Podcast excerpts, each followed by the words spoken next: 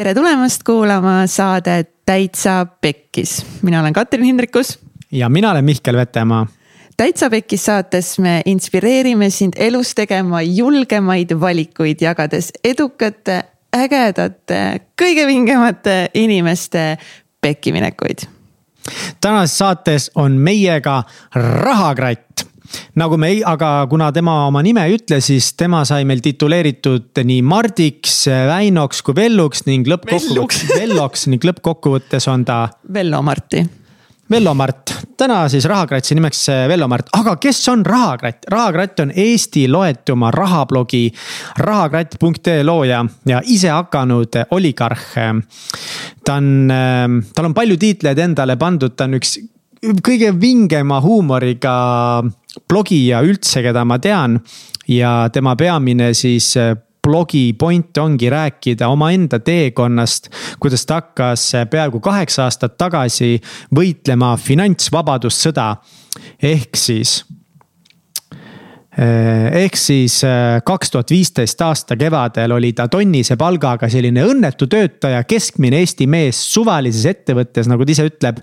ja võttis kätte ning hakkas parema elu nimel tööd tegema, tegi mitu kuud kodutööd, luges, õppis, kogus kogemusi ning hakkaski aastal kaks tuhat viisteist täiesti nullist sisuliselt oma investeerimiskarjääriga pihta ning seda kõike dokumenteerinud ülivaimukalt värvikalt, lihtsalt, lõbusalt ja kaasahaaravalt blogis Rahakratt.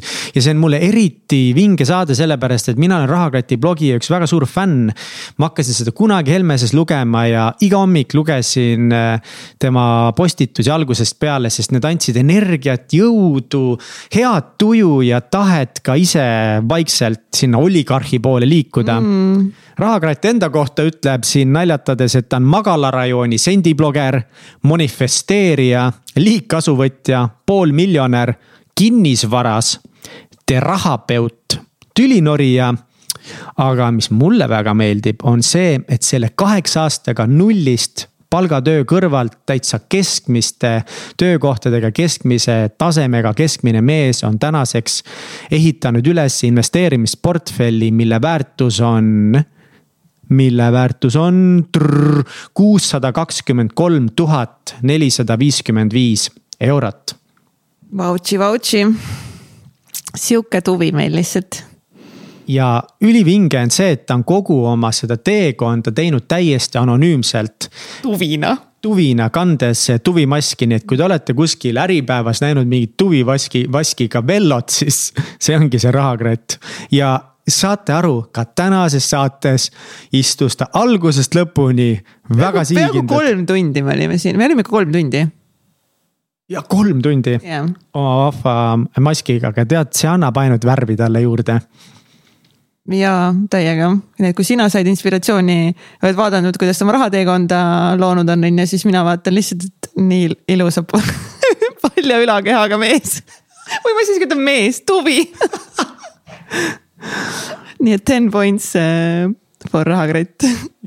kõik on lihtsalt paigas. nii äge saade sai, nii tore, nii tore on tagasi olla ja saadet salvestada nagu külalisega üle mingi kolme kuu, on ju. -hmm. et me viimati noh, need saated tulid küll eetrisse hiljem, aga me viimati detsembris ju tegelikult salvestasime, on ju, et meil on nüüd äh, uus stuudio ja oleme täie hooga uusi saateid salvestamas ja seoses sellega, et meil on nüüd äh, uus stuudio siis äh, pind. Äh, otsime me siis endale partnerit, mööblipartnerit, kes tahaks tulla ja aidata meil selle uue stuudio lihtsalt ära sisustada ägeda laua, toolide, mingite vaipade muu kraamiga, dekoratsioonidega, et et äh, kui sina äh, töötad mõnes mööblifirmas äh, või sa oled mõne mööblifirma omanik või sa tead kedagi, siis täiega kirjuta meile, kas siis Instagrami või siis täitsa pekkis saade, et Gmail. oleme täiega avatud ja valmis selleks vingeks koostööks.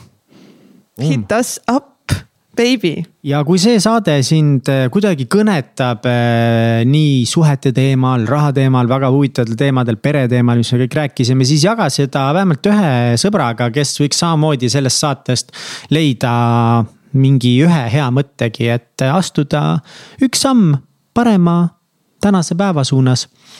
ning eh, kui sa veel ei ole, siis kutsume sind liituma Patreonis La Familia ja. perega. musu, kui sa oled musu lihtsalt, mida sa kindlasti oled.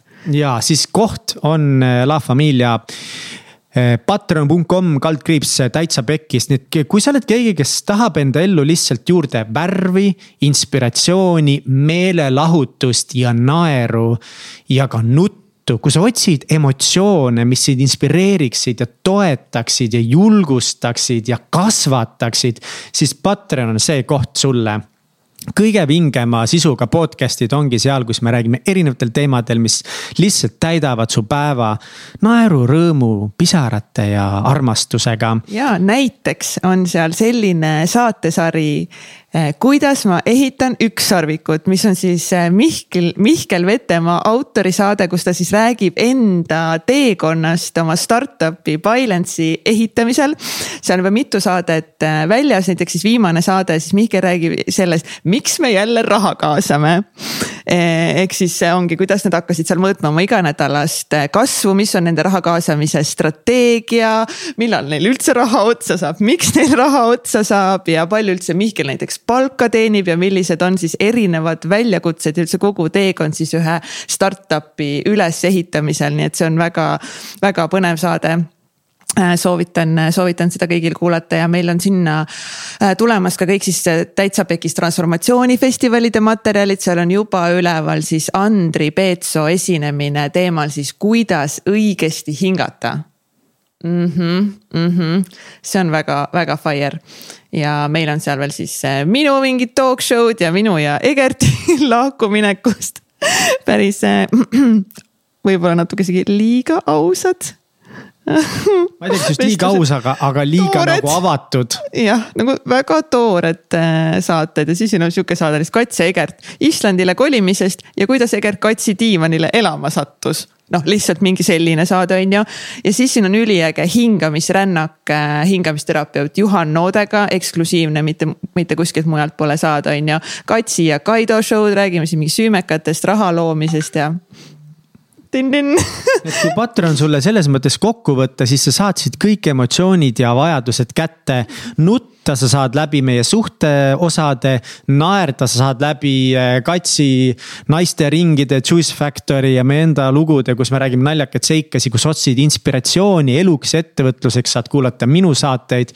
nii et eh, kõik sinu vajadused on täidetud Patreonis ning kui sa tahad ise praktiliselt paremini elada, siis kuula meie meditatsioone, hingamisharjutusi ning osasid sellest, kuidas paremini hingata ja kõik ülejäänud saated, mis tulevad eh, festivalide repertuaarist. ja tead, mis on kõige ägedam, Mihkel või? mis on? kõige ägedam on see, et kui sa tuled meie La Familia liikmeks, mis on siis nüüd eh, viisteist, eh, viisteist eurot kuus sulle siis sellega sa toetad meie tegemisi ja tänu sinule saavad toimuda ka kõik teised saated. tänu sinule saab tulla meile külla Rahakratt näiteks ja saab jagada oma lugu ja terve Eesti saab sellest inspiratsiooni, nii et sina saad olla põhimõtteliselt lihtsalt nagu, nagu boss siin ja öelda I made this nagu, sellepärast te saate kuulata Täitsa Pekkis äh, saadet, lisaks sellele saad veel muid siin show sid äh, nautida, nii et lihtsalt, lihtsalt sa oled musu, ole musu tule La Familiasse ja nii et aitäh kõigile täiega, kes on juba, juba tulnud meile La Familia liikmeteks ja, ja kui tulete, siis täiega jagage meile tagasisidet ja andke veel teada, millist sisu te soovite ja. täiega tore, täiega tore mm!. head kuulamist. tšau. saage siis tere tulemast saatesse Mart otsustasime lihtsalt siin, et äh, nüüdsest äh, Mart on Mart, sest äh, see on sihuke kõige lambisem nimi. mida rahakratil üldse anda. jah, on ju. Mhm. ja siis ta ei ütle meile oma nime, ta ütleb, ma olengi rahakratt ja mõtle ise välja. täpselt ja ta tutvustab ka ennast nagu, sa ütled, et, sa oled Mihkel on ju, siis siis Mart ütleb, et on ka Mihkel. noh, mis värk sellega on nagu, lamp on ju, noh täiesti lamp, nii et siis, siis ta on lambi Mart Mart täna saates ja ja selle Mardiga on selline teema, et talle hullult meeldib äh, nagu otse molli saada. eri, eri, no lihtsalt nagu, ta ise tuli, ütles esimese asjana, talle meeldib väga molli saada. et alustakski kellega, et Mart, et äh, räägi, et nagu, mis on, mis on sinu esimene mälestus selline, kus sa nagu tunned, vot see oli see, et nagu vot ma sain elult täiega molli.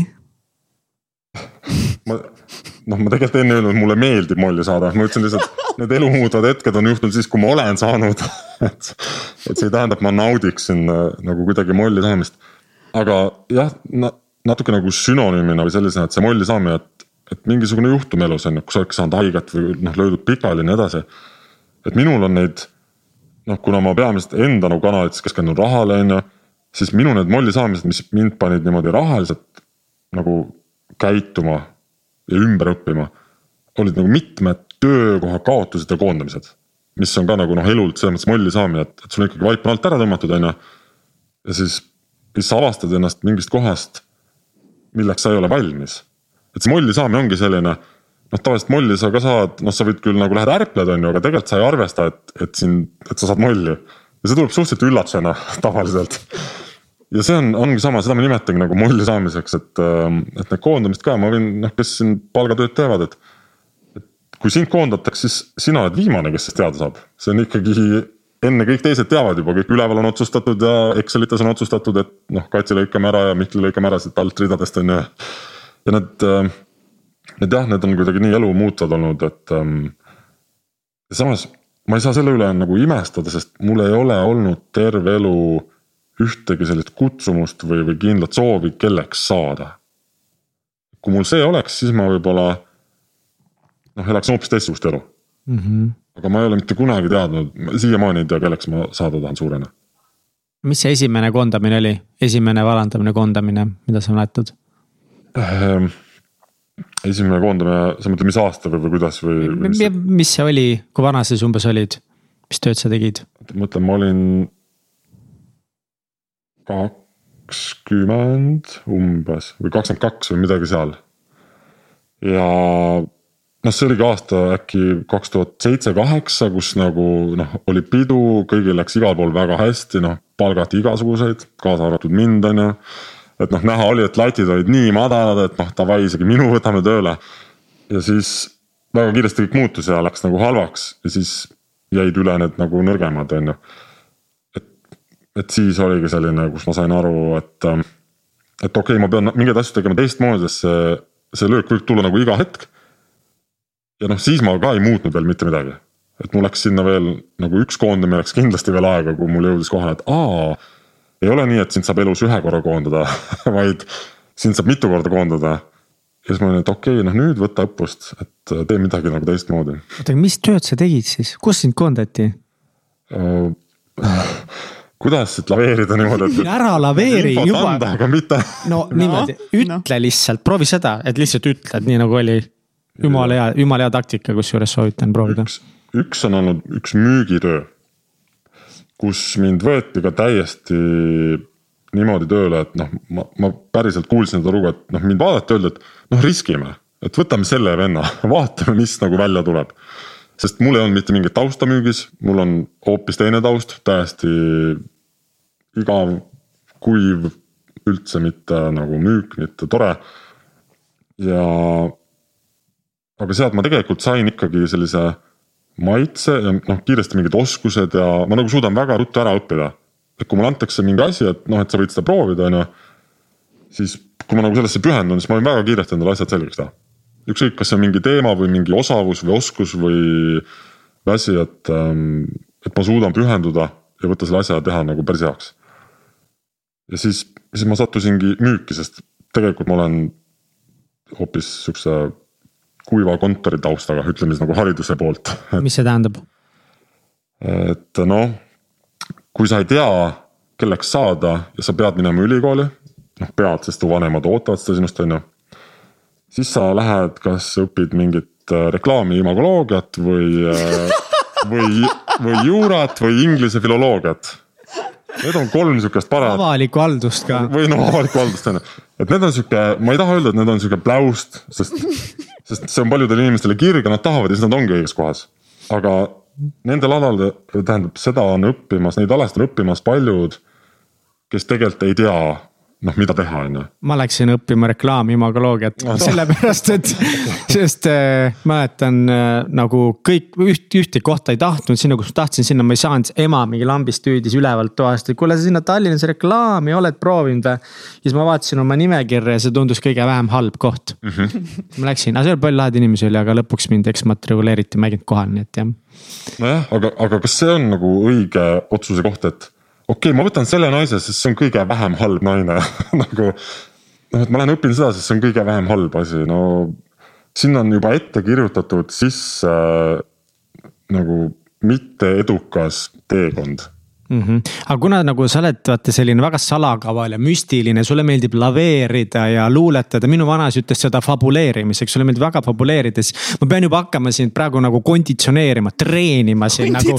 natuke see ümberharjutamine, et oota, mida siis konkreetselt sa õppisid mm? -hmm. sotsiaalteadusi.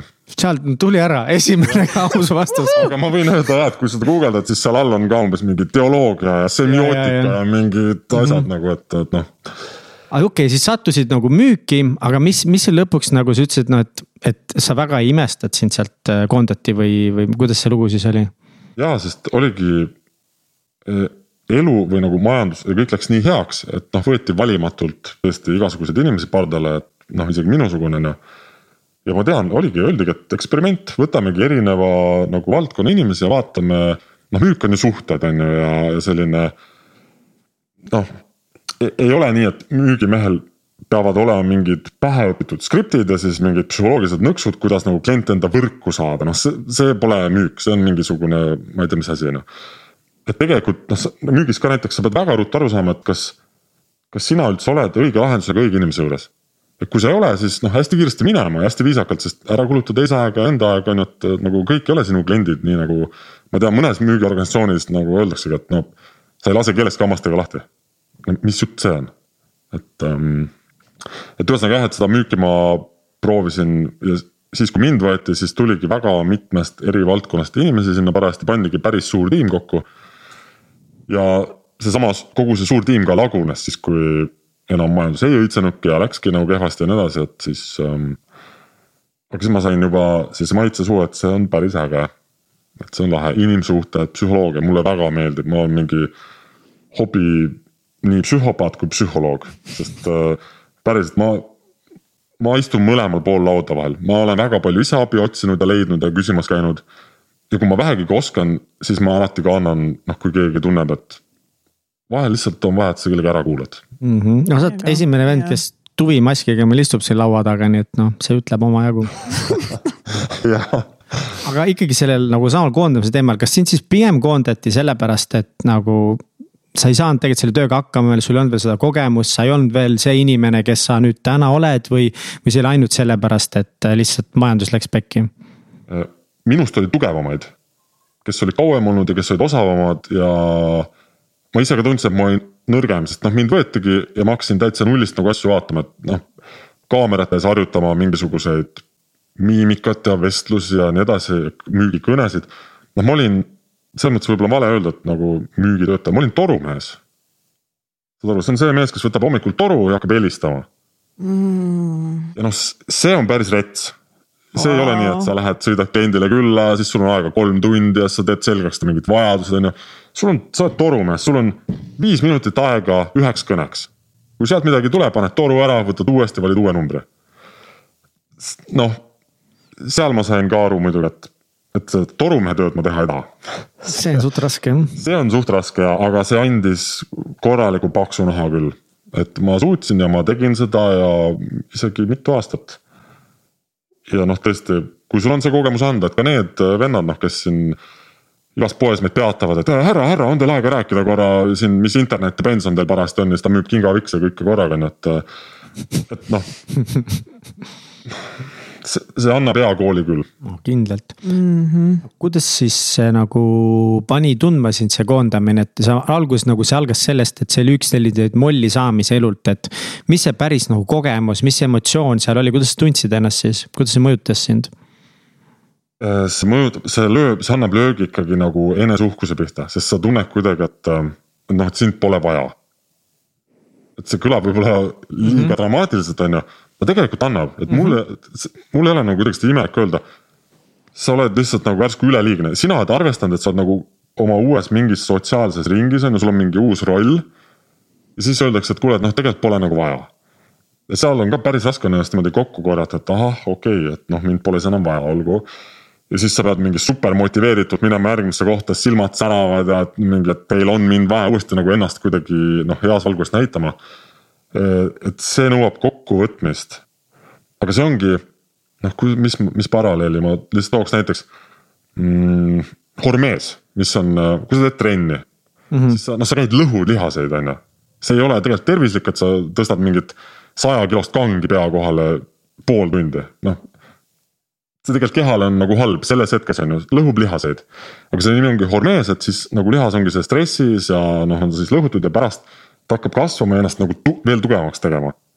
ja selle koondamisega on, minul on küll vähemalt samamoodi. et noh, koondage siis, davai, ma saan sealt oma mingid need nagu armid kätte. ja siis ma oskan sealt mingid nagu siuksed õppetunnid võtta, ma tean, mida ma ei taha enam teinekord on ju ja ma tean, mida ma rohkem otsida oskan, kus ma olen parem, mida ma peaksin lihvima, tugevamaks tegema endas. ja noh, sa, sa tuled tegelikult, siis kui sa seal augus oled, siis sa ise ei usu seda, kui sa ütled endale, ma tulen siit tugevamana välja, sest nagu augus olles sa ei usu mitte midagi. aga ah, sa olid augus või?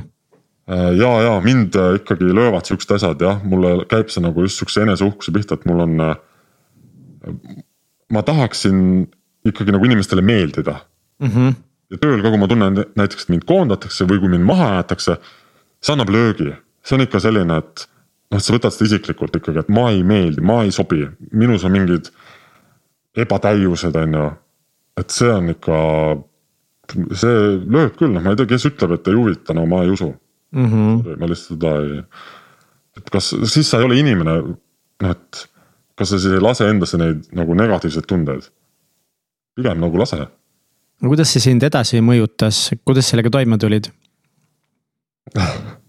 ma sõitsin Eestist ära ma läksin lihtsalt tõesti äh, minema müüsin kõik asjad maha ja mõtlesin, et olgu, proovin, et äkki kuskil mujal on nagu parem. aga noh, ei ole, ega see ei anna ka sellist ähm,. noh, mis sa nagu, kuhu sa põgened, ega kuskil mujal mudelitöötajad ju täpselt samamoodi.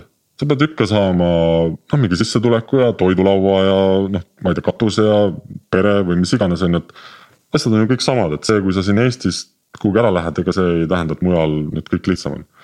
et ma tegin lihtsalt siukse väikse jah vahepeatuse, et kui täna mu CV-d vaadata, siis ähm, noh ühel töövestlusel ma ütlesingi, et küsiti, miks on tühi koht on ja siis ma ütlesin, et noh, siis ma olingi kinni nagu.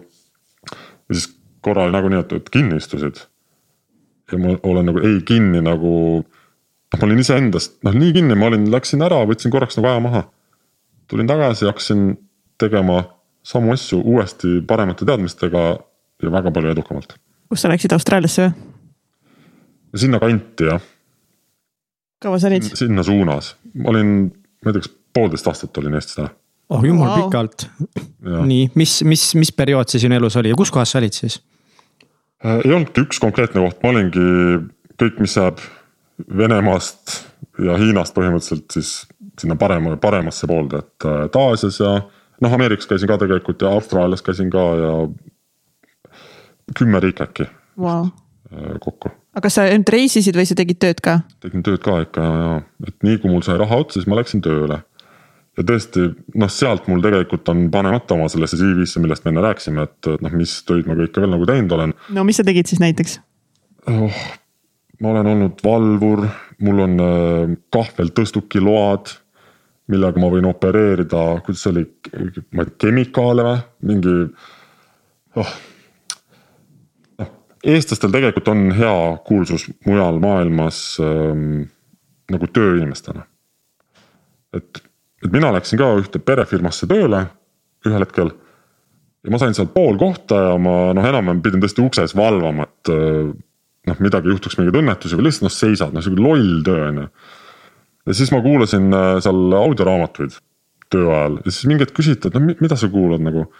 ma ütlesin raamatuid noh huvitav, et noh, meil küll siin keegi mingeid raamatuid ei kuula, et. et noh, proovi, kas sa saad pudelitele, noh, kas sa suudad silte peale kleepida sirgelt noh, korra lõi ka nagu niimoodi au pihta, et no hea küll, lubage, ma proovin siis, et kas ma suudan no suutsin, siis vaadati, okei okay,, siis võeti täiskohaga tööle.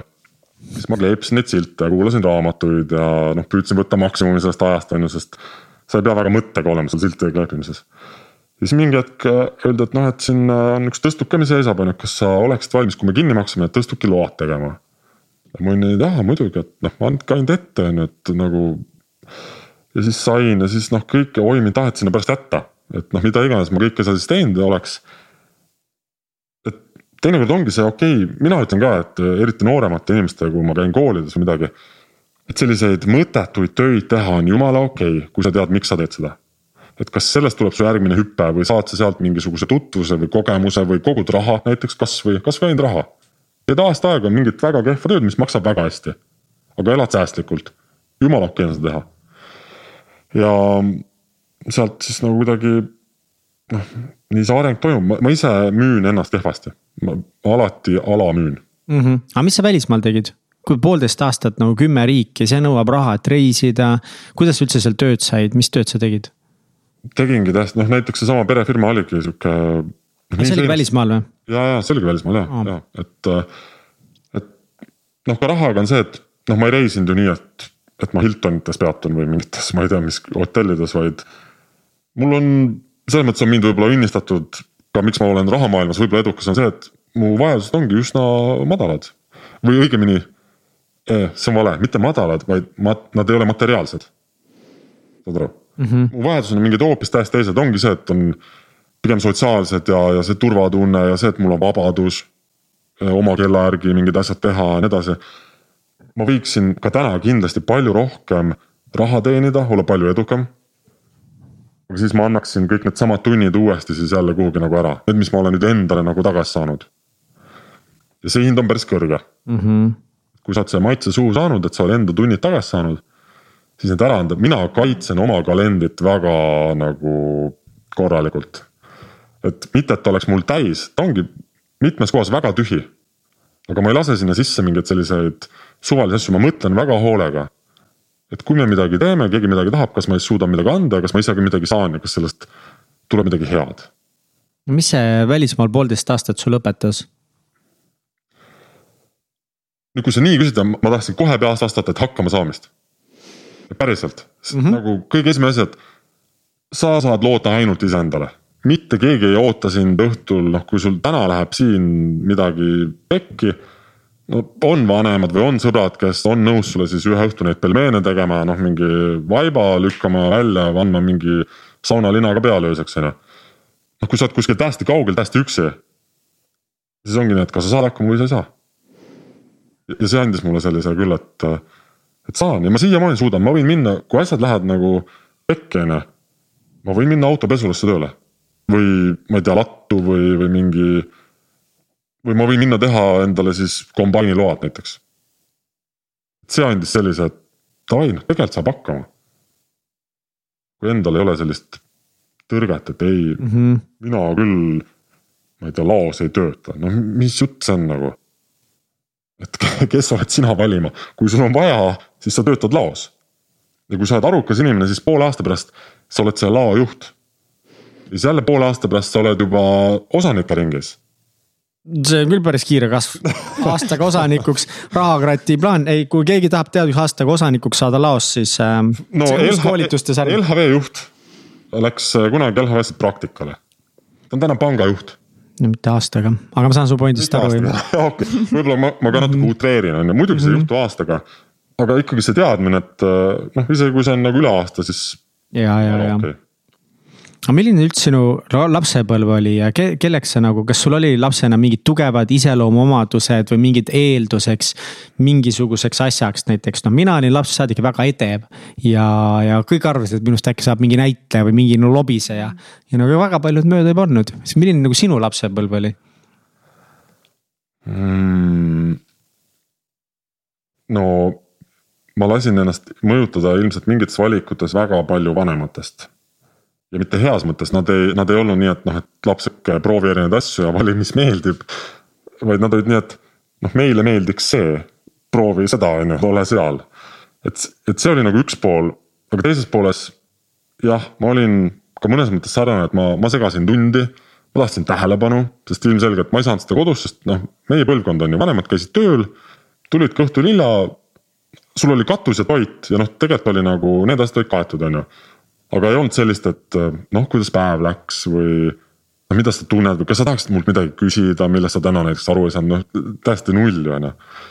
ja ma ikkagi väga palju opereerisingi niimoodi üksinda ringi või siis nagu oma sõpradega. et, et mingis mõttes on see hea. sest ma võib-olla saingi ise nagu avastada.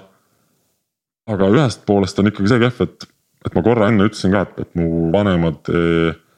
Ma tunnen, nad ei ole siiamaani tänaseni leppinud sellega, et minust ei tulnud see, keda nad siis ootasid. aga keda nad ootasid? mis need, mis, mis nende lootus ootus oli? ühe auväärse ameti esindaja ja mis on minu jaoks, ma käisin siis, õppisin seda auväärset ametit. ma siis ka töötasin, proovisin seda auväärset ametit. ja noh, ma olin lihtsalt nii, et no ei, et kui ma pean nüüd oma elu nii veetma, siis pigem ei, siis ma ei veeda oma elu mis see auväärt amet oli? No siit ma pean ujuma niimoodi üle, et võtma lonksu vett omavahel. hakkab pihta. noh, sama, noh midagi, mis ma õppisin, noh, ma ütlengi, et see on täiesti suvaline, et noh, ma ei tea, ütleme, et raamatupidamine, mis on minu meelest ka päris sihuke igav minu jaoks töö, no ütleme, et ma olin näiteks raamatupidaja. väga kaugel sellest ei olnud, aga noh, polnud päris see. aga ikkagi. minuga väga huvitab, et miks sa tunned, et sa ei saa avada seda külge endast, et äh, sa ütlesid, sa õppisid sotsiaalteadusi. jaa. niimoodi ja siis sa töötasid nagu millegagi seoses, see on nii lai ju, et miks sa arvad, et sa ei saa nagu seda, miks sa ei taha seda avada? sest võib-olla sinna jäädakse kinni ka, sest kui ma olen öelnud ka mõnes kohas äh,, mitte nagu rahakratina, vaid iseendana, et ma olen midagi õppinud, siis kuidagi on selline eelarvamus, et noh, aga siis sa ju saad ikkagi alati hakkama ja sul on mingi koht, kuhu minna, et see on noh, mingi prestiižne või äge või selline et miks ma üldse väga minimaalselt tahan rääkida ka enda blogides, üritustel endast mm. -hmm. on see, et tihti hakatakse võrdlema. et kui ma näiteks ütlen, et noh, ma tulen sihukesest perest, ma ei tea, mu taskuraha oli tuhat euri nädalas on ju. või, või ma ei tea, või et mul ei ole kolm liisingautot või mul ei ole labradori ja nii edasi, on ju, siis kohe hakatakse võrdlema, et näed, noh, sul ei ole, sul on lihtne. sest sa sündisid Tallinnas ja sul oli nii ja sa said ülikooli minna nii ja naa aga ei olegi olemas kahte ühesugust inimest. et, et ma ei taha just tekitada neid võrdluskohti, et näed, ma ei saa ju niimoodi investeerida nagu rahakratt, sest tal on üks, kaks, kolm on ju. Mhm. et mõnel on veel hullem kui sul, noh mõni vaeseke on nagu Tartust pärit, on ju mõni on veel kaugemalt kuskilt nagu. Mihkel saab täna lihtsalt nagu, Mart isegi ei tea mitte midagi, ta on Tartus, õppis reklaamimagoloogiat ei, ma lihtsalt seda Tartut nagu torgin vahele, et. ei torgi, torgi. aga aga noh, et just, et see võrdlus ära kaotada, et ma ei taha, et võrreldakse sellega, et, et noh, sa oled ju Tallinnast või sa oled nii või naa, et siis noh, mis sul viga. no jaa, aga me saame võrrelda anyways ükskõik, kas sa räägid seda või mitte, ikka tekib mul võrdlusmoment, et nagu sina oled sina ja mina olen mina, kui ma tahan võrrelda. jaa, saab küll jaa, aga aga noh, ega see kaugele viis, sealt lõpuks tulebki selline, mina suudan näiteks öelda, noh, ma räägin rahast väga palju, on ju, või tähendab avalikult et, et kui keegi mulle ütleb näiteks, et näed, aga sul ju pole mm,, ma ei tea, majalaenu. noh, mul mm. tõesti ei ole majalaenu, on ju, mul on kodulaen, aga, et sul ju pole majalaenu. siis ma ütlen selle peale, jah, ei ole, tõepoolest, siin me olemegi erinevad, on ju. aga majalaen on üks täiesti tavaline number Excelis see, kas selle numbri nimi on majalaen või selle nimi on lapselapsed või, või sul on mingi imelik hobi, mis võtab palju raha. nimel ei ole vahet mm, -hmm. iga numbri saab panna Excelisse tegelikult mm. -hmm. ja siis ongi, kui inimesed ütlevad, näed, et noh, sul pole. ma ei tea, sa pole adopteerinud seitse last Ukrainast on ju, siis jaa, muidugi ma ei ole mm. -hmm aga isegi kui sa oled, sul on ikkagi võimalik panna asjadele mingisugused hinnad või kulud või numbrid juurde ja opereerida täpselt nii nagu mina aga mis selle, mis selle taga seal on, miks sa ei taha, et inimesed teeksid nii-öelda mingisuguseid valesid järeldusi või valesid võrdlusi, ebaausaid või ebavõrdseid võrdlusi? sest ma näen, kuidas nad siis löövad käega hmm.. et okei okay,, näed, et sina oled sihukeses kohas, on ju, või sul olid mingid paremad stardi. ma ei tea, pakud mingis hetkes, on ju. et siis noh, mul pole üldse mõtet proovidagi sest noh, teil on siin see podcast, noh, mis ma hakkan tegema, sest teil on juba kolmsada osa või mingi, siin on käinud juba kuulsad inimesed on ju. et noh, mis ma üldse hakkan. aga siis sa tõmbadki ise kohe ennast nagu täiesti maha ära, et mis ma üldse hakkan. et sellepärast ma ütlengi, et, et see, mis minul on või ei ole ja sinul on täiesti teistmoodi ja sul on täiesti teistmoodi. et sa saad minna ikkagi, sealt algab sinu rada hakkab ikka nagu sellest sinu nullist pihta, on ju. aga no väga ruttu on ka inimeste silmad näha neid just need võrdlejad, kes ütlevadki, et sul on nii või naa. Et noh, juba on selline loobumise, et nagu ah, tead mm. -hmm. ja see on ja see noh, see on kurb, sest sealt inimest välja tuua on väga raske mm. -hmm. et mulle meeldib näha oma publikus neid inimesi, kes mind kuulavad ja ma ise ütlen ka, et nagu noh, vaadake mind, ma olen, ma olen täielik, täielik loh. noh, et kui mina suudan neid asju teha, siis teie seal publiku seas, noh, te suudate nagu lendavate värvidega poole rohkem teha. Et see tegelikult inimestel on nagu tihti on vaja sellist nõrgemat näidet. sest siis sul on lihtne nagu tugevamana ennast sinna kõrvale panna, on ju. kui sa näed tugevamat ja siis ise oled nõrgem, siis sa oled kohe nõrgemas positsioonis, et alustada. et seetõttu on inimestel lihtsam, kui mina ütlengi, et uskuge mind, mul on päris paljud asjad jumala halvasti. noh, mingid asjad, mida ma ei oska, millega ma ei saa hakkama ja nii edasi. et te suudate palju rohkem minust. et noh, vaadake seina peal, noh kui ma näitan slaide midagi on ju, et mis ma olen teinud ja teil on nagu veel lihtsam minna nagu ja siis sa näed, kuidas inimestel on silmades sihuke, et oh davai, davai, aga ma proovingi või mingi, et noh, ma teengi siis mm. -hmm. nii paljud inimesed on öelnud, noh, seda on järjest rohkem tulnud sihukest privaatset nagu, et tead. kuulasingi ja proovisingi ja hakkasingi ja jõudsingi ja tegingi ja olengi juba kuskil ja. siis sa loed, see on nii hea tunne, sealt mina saan oma selle mingi tunnustusvajaduse ilmselt rahuldatud on ju, et keegi ütleb, et näe, tänu sulle muutus minu elu. noh, see on, see on see on jumala kõrvust tõstev tunne. et, mm -hmm. et noh, sellest küll ma praen ennast niimoodi nagu panni peal või sees keeran ja oh, päris hea, et, et keegi tegi midagi ja tal on nüüd parem olla. see on äge aga tulles tagasi sinu lapse juurde, väga hea selgitus, kusjuures see on nagu teeb asja väga palju arusaadavamaks minu jaoks. aga kas sa lapsena nägid kuidagi, et mis või kes võiks sinust saada, kui kõrvale jätta see, et vanemad väga palju suunasid oma soovide järgi Äh, ma olen ka käinud näiteringis, mis oli väga tore. ja ma mõtlesin, et kunagi mingid avad või asjad või selline noh, tähelepanu meeldib, on mingi edevus raudselt sees, ma noh. sa ei saaks teha, ma teen ühe mehe show sid on ju, et kui ma ei oleks edev ma ei suudaks neid teha. et õnneks ma saan sealt kätte kogu oma edevuse, ma tavaelus ei pea olema eriti edev, aga. Aga, aga sealt ma tundsin küll. ja üks asi, mis ma vahel ka nagu iseenda kohta ütlen, et, et kui ma nagu pean ennast kuidagi iseloomustama ametialaselt või et kelleks ma saada tahan või kes ma olen. ma olen nagu äh, liim. et see ei ole eriti hea amet või see ei kõla hästi, on ju, aga, aga ma olengi selline liim, kes. noh, kes suudab väga palju inimesi ja asju kokku panna. et kui sina ütled, sul on midagi vaja, on ju, mul jääb see meelde, et Kats otsib midagi. ja siis mõne aja pärast ma kuulen, et, et Mihkel midagi pakub nagu. või noh, tal on mingi mõte ja ma näen, et see pusle võiks kuidagi teil omavahel kokku minna ja siis ma hakkan teid kokku panema, ma hakkan niimoodi nagu see puppet master, nii et nii Kats tuleb siit, Mihkel tuleb siit ja siis ma panen teid õiges kohas kokku. ja, nendest on sündinud nii palju asju wow.. ja ma alati ei saa sealt noh rahalist sihukest kasu. aga tihti ma saan kas seal ise osaleda mingis nagu formaadis või kuidagi.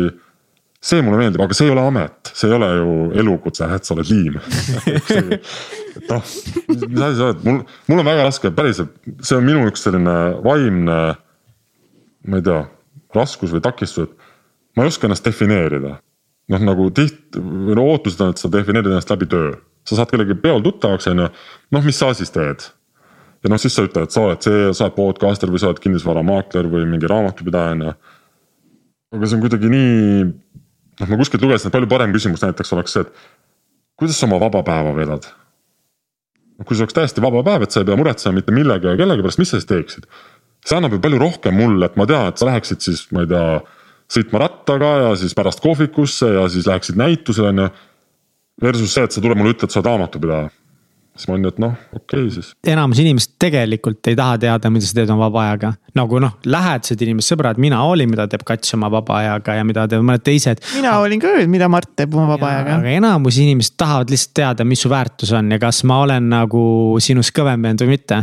et äh, ja mis, mis väärtuse ühiskonnale pakud, kes oled nagu sihuke? päriselt või? mina ei usu, et nagu. seesama võrdlemine tekib küll Enamus inimesed ikka aga võrdlevad. mina tahan kõike, ma tahan teada, mida sa vabal ajal teed, mida sa teed nii palju esmaspäeva. normaalsem inimene kui võib-olla nagu ma keskmine ma inimene tahan. kõike teada su kohta, aga nagu kui sa pakud mulle huvi, ma tahan täiega teada nagu. aga see ütlebki rohkem, kui sa saad ju esimest korda tuttavaks, see, et sa saad teada, et su uus tuttav on raamatupidaja versus see, et su uus tuttav hea meelega käiks mingitel rabarogainidel, mis kestavad nagu kakskümmend seitse tundi ja ta teeks seda hea meelega alasti mm. -hmm. ja nii, et tal pole vett kaasas ja noh, mingid nagu okei okay,, ei see on hea point küll selles mõttes, et tead, seal on nagu palju rohkem, mille, mida sa saad nagu seal teemasid seostada ja kuidagi ja nagu sa. õpid ju kohe palju rohkem selle inimese kohta, et see on väga hea point ta on, jah. okei, ma võtan selle kaasa endaga täiega. et seda mina küll Jaa. püüan, kui mult keegi küsib, et kes ma olen, siis ma- ma ei hakka rääkima, et noh, mul on mingi üürikorter või. Ma püüan nagu rääkida oma mingitest rohkem nagu väärtus. Jaa, millised on sinu väärtused ja- jah, kuidagi sealt, et, et saaks aru, et kas meie vahel on mingi klikk ja kas me võime ka edasi suhelda versus see, et ma ütlen näiteks, ma olen raamatupidaja on ju, noh, sul on juba raamatupidaja olemas, siis meil pole rohkem millestki rääkida, et. aga see on see, kus väga paljud nagu lihtsalt suhtlevad niimoodi, sest siis sest nemad oskavad opereerida ainult nagu sellises asjas, et okei okay,, mis su väärtus on, mis tööd sa teed mm. -hmm. aa, okei okay,, nojah, siukest sest me tänagi just hästi palju identifitseerime ennast läbi, Läbi töö, töö ainult, just. ja see ongi nagu see, kes me oleme, et paneme selle sildi endale nagu külge, et ongi mm -hmm. nagu ma olen podcaster Mhm. Ja siis ma identifitseeringi ennast sellega ja, ja nii, ja siis, kui nii huvitav just täna ühe sõbrannaga rääkisin ja tal, ühesõnaga ütleme üks tema sõber, kellel on olnud neliteist aastat äh, üks ettevõte, mis on hästi seotud nagu tema nime ja brändi ja kõigega. ja nüüd see ja nüüd seda enam nagu pole, sellega on nagu finito. ja siis ongi nagu fuck, kes nagu, kes ma olen. ma olen nagu noh, nii ühe asjaga nagu olnud neliteist aastat seotud, mu nimi, kõik on sellega seotud ja nüüd seda enam ei ole. ja sealt on nagu tuff, kogu identiteet vaata langeb nagu ära mingis mõttes. Äh, seda on ka psühholoogid äh, noh, on täitsa mingi omaette koolkond ja nii edasi, eriti raske on see USA-s. et äh, noh, kõrge enesetapumäär on näiteks erusõjaväelastel. sest sa oled terve elu olnud sõjaväelane, see on täiesti, sa nagu hingad ja sööd seda kõike, ju, see pole nii, et sa lähed üheksaks tööle.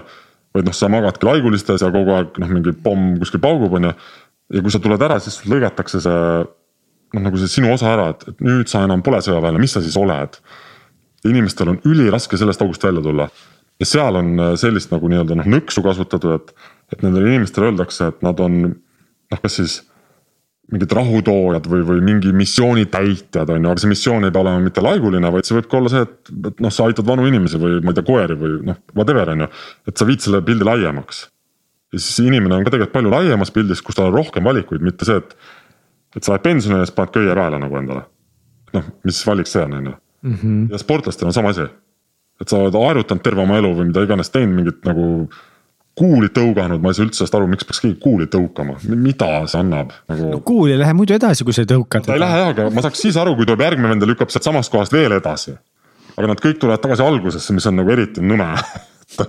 et noh, vabandust, kuulitõukajad, aga noh, et sportlastel on täpselt sama, et kui sa lõpetad oma karjääri, siis sult on nagu nii suur osa kuidagi vaata ka elust ära võetud ja siis sa pead otsima seda siis sa kas hakkad treeneriks või hakkad nagu tosse maale tooma või noh, spordivarustust on ju. et tegelikult võiks ju ka mõelda laiemalt, et äh, noh, et sa esindad oma riiki või mingit. noh, et keegi aitab sul selle pildi laiemaks tõmmata, et sa pole lihtsalt kuulitõukaja, vaid. või noh, sulle sobivadki mingid näiteks rutiinsed alad ja selline, kus on mingi saavutus lõpus, no müük võib olla ju näiteks sihuke on ju. Aga kas sina inspi- või äh, ei identifitseeri ennast või kuidagi ei tun- või ei tutvusta ennast läbi just selle, et sa nagu inspireerid või koolitad mõnes mõttes inimesi, et sa ei pea otseselt ütlema, et sa oled nagu, ei saa ju öelda, vaata. no miks? kui ta lihtsalt tutvub inim-, inimestena, kui ta on nagu Mart, mitte nagu rahakratt on ju, aga kui ta on lihtsalt nagu Mart, vaata siis ta ei saa öelda nagu mingi, aa, ma olen mingi ta, ta, ta, ta, ta, ta, ta on ju. oota, aga mis sa käid kuskil ilmatuvi, mütsita ka või? ei see on, see ongi raske ja, sest ah noh, see on issand, kui jumala hea point, ma üldse ei mõelnud selle teise nurga alt, mis sa siis ütled ja nagu. um, ta ei saa seda öelda, siis kõik teavad, et ütleb ja siis saab jälle seost luua. Jälle pead valetama. nagu noh, see on jah, siit sa ei saa. oi, see mäng on keeruline. See see läheb, noh. sihuke tenet käib mul kogu aeg peas, ma ei saa aru, mis levelil ma kella ja kus olen. aga nii hea point ka, et see on. päris, see ongi, mul on äh, jumala keeruline vahel, et see on üks suur miinus ka, et, et mul on nagu kaks elu identiteeti, et ma tahaks mm -hmm. vahel rääkida rohkematest asjadest, kui ma saan.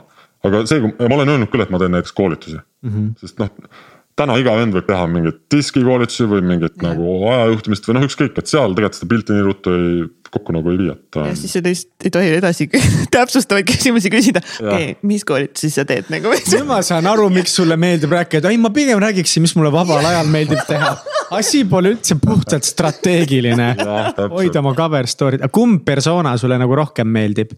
kas sul on ka juba niimoodi lõhestunud isiksus tekkimas? kusjuures ei ole, see on, äh, miks mul on näiteks lihtne teha enda asju laval või, või ka mingit noh, minna täiesti improviseerida, keegi ütleb, et teeme mingi intervjuu või paneme open mic'e, räägime. siis noh, ma olen ikka see, mul on samad naljad, mul on samad väärtused, mul on samad nagu. ma ei tea, soovid, tunded, see on ikkagi mina. lihtsalt selle maski taga on, on rohkem nagu lihtsalt seda rahalist avatust, mida ma muidu võib-olla ei räägiks. aga tegelikult inimesena ei ole üldse vahet, et nagu täpselt sama inimene küll mm. -hmm nagu me juba sellest maskist räägime, siis võib-olla nagu väga hea koht, kus ikkagi praegu küsida, et kuna väga, väga, äh, seda ma igal juhul tahaks. Meie väga paljud kuulajad võib-olla ei ole nagu nii palju investeerimisblogidega kursis, kindlasti väga paljud ka on. et siis üldse nagu, kus siis see rahakratt sinu jaoks nagu alguse sai? Ja miks tuvi? kõikidest. Võimalustest. Tegelikult kaks esimest aastat oli, oli mitte tuvi oli lihtsalt tavaline, ma ei ole ise ka lugenud, et kuidas ma seal kirjutasin, aga kaks esimest aastat oli noh, ma ütlesingi, et ma olen selles vanuses ja noh, mingi koondatud ja ei tea, mis mu see elutee on ja kuhu minna. ja see, see mask tuli hiljem, see tuli kaks aastat hiljem juurde, kui, kui mind kutsuti kuhugi esinema. see oli Äripäev, kes kutsus. ja siis ma olin ikka nagu noh, korralikult pabinas, et mis saab, mis ma nüüd teen, on ju, et siin on nüüd see otsustamise koht et kuidas hakkab mu see edasine elu olema, et kas ma olengi see suvaline Mart, kes lihtsalt läheb. noh, kellel on siuksed lõigatud ninadega kingad, noh sihuke tavaline Eesti mees on ju. noh, siis sa istud seal või nüüd on võimalus teha midagi huvitavat. ja siis ma ütlesingi Äripäevas, oligi Meelis Mandel vist oli peatoimetaja või on siiamaani on ju et hea küll, et ma võtan praegu Aliekspressi lahti ja ma kirjutan sinna sisse nagu Animal Mask ja see, mis tuleb, selle tellita mulle ja siis ma olen nõus tulema ja siis sealt tuli nagu fucking tuvi mask et noh, sama hästi oleks võinud tulla sealt nagu laama või, või pingviin või mingi mis iganes wow.. ja siis ta tuligi ja see on siiamaani seesama, see üks mask nagu, mis on kogu aeg olnud, et. äh, millal see oli, kui palju aastaid tagasi? Äh, see on siis umbes seitse pool aastat miinus kaks äh, või tähendab miinus viis aastat mm. -hmm. või noh, tähendab, kui ma olin kahe aasta peal, on ju. praegu ma olen seitsme poole aasta peal, ehk siis viis aastat tagasi umbes mm. -hmm juba viis, okei okay,, see on päris nagu olgugi, et ma tahan väga palju veel teada, missugust koerustükkidega sa oma lapsepõlves hakkama said, siis nüüd ma nagu tahan teada, et kuidas see, kuidas kõik see algas sinu jaoks? just nagu see investeerimine ja blogi. Äh, tead, see blogi algas siiralt minu enda jaoks. ma hakkasin seda kirjutama täiesti endale, sest kaks aastat ma tegin seda nii, et seal ei käinud mitte keegi ma lihtsalt kirjutasingi, ma olin enne äh, ka mingisugust blogi proovinud. Äh, mul nagu kirjutamine sobib. ma olen noh, täielik paduhumanitaar, et kui keegi ütleb, et hakkame nüüd arvutama või kui sa ütled, et äh, analüüsi mulle mingid aktsiad, noh siis ma lähen ära. ma ei oska nagu, ma, ma ei viitsi, ma ei taha ka seda teha. et kirjutamisega mul tõesti, mis meil oligi keskkoolis oli lõpukirjand näiteks. ja ma tegin selle kirjandi ära ja viisin siis sinna noh aulas kirjutasime on ju ja seal ees oli see pikk laud, kus olid õpetajad. siis minu see kirjandusõpetaja istus ka seal ja ma viisin talle selle sinna ja siis ta ütles, et oota korra, et noh, ta loeb, lappab seda kiiresti. siis ta luges, lappas ja ütles, et no good, mine kirjuta uus. ja ma olin lihtsalt nii, et kuule, ma olin valmis koju minema nagu, et noh, ma ei kirjuta sulle uut kirjandit. ja ta oli nii, et ei, lähed kirjutad uue, sest nagu sinus on palju rohkem mm..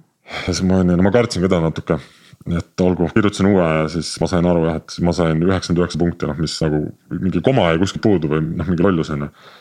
et noh, see eelmine ei olnud väärt seda. ja tema teadis seda, mina siis ei osanud seda hinnata, täna ma muidugi noh.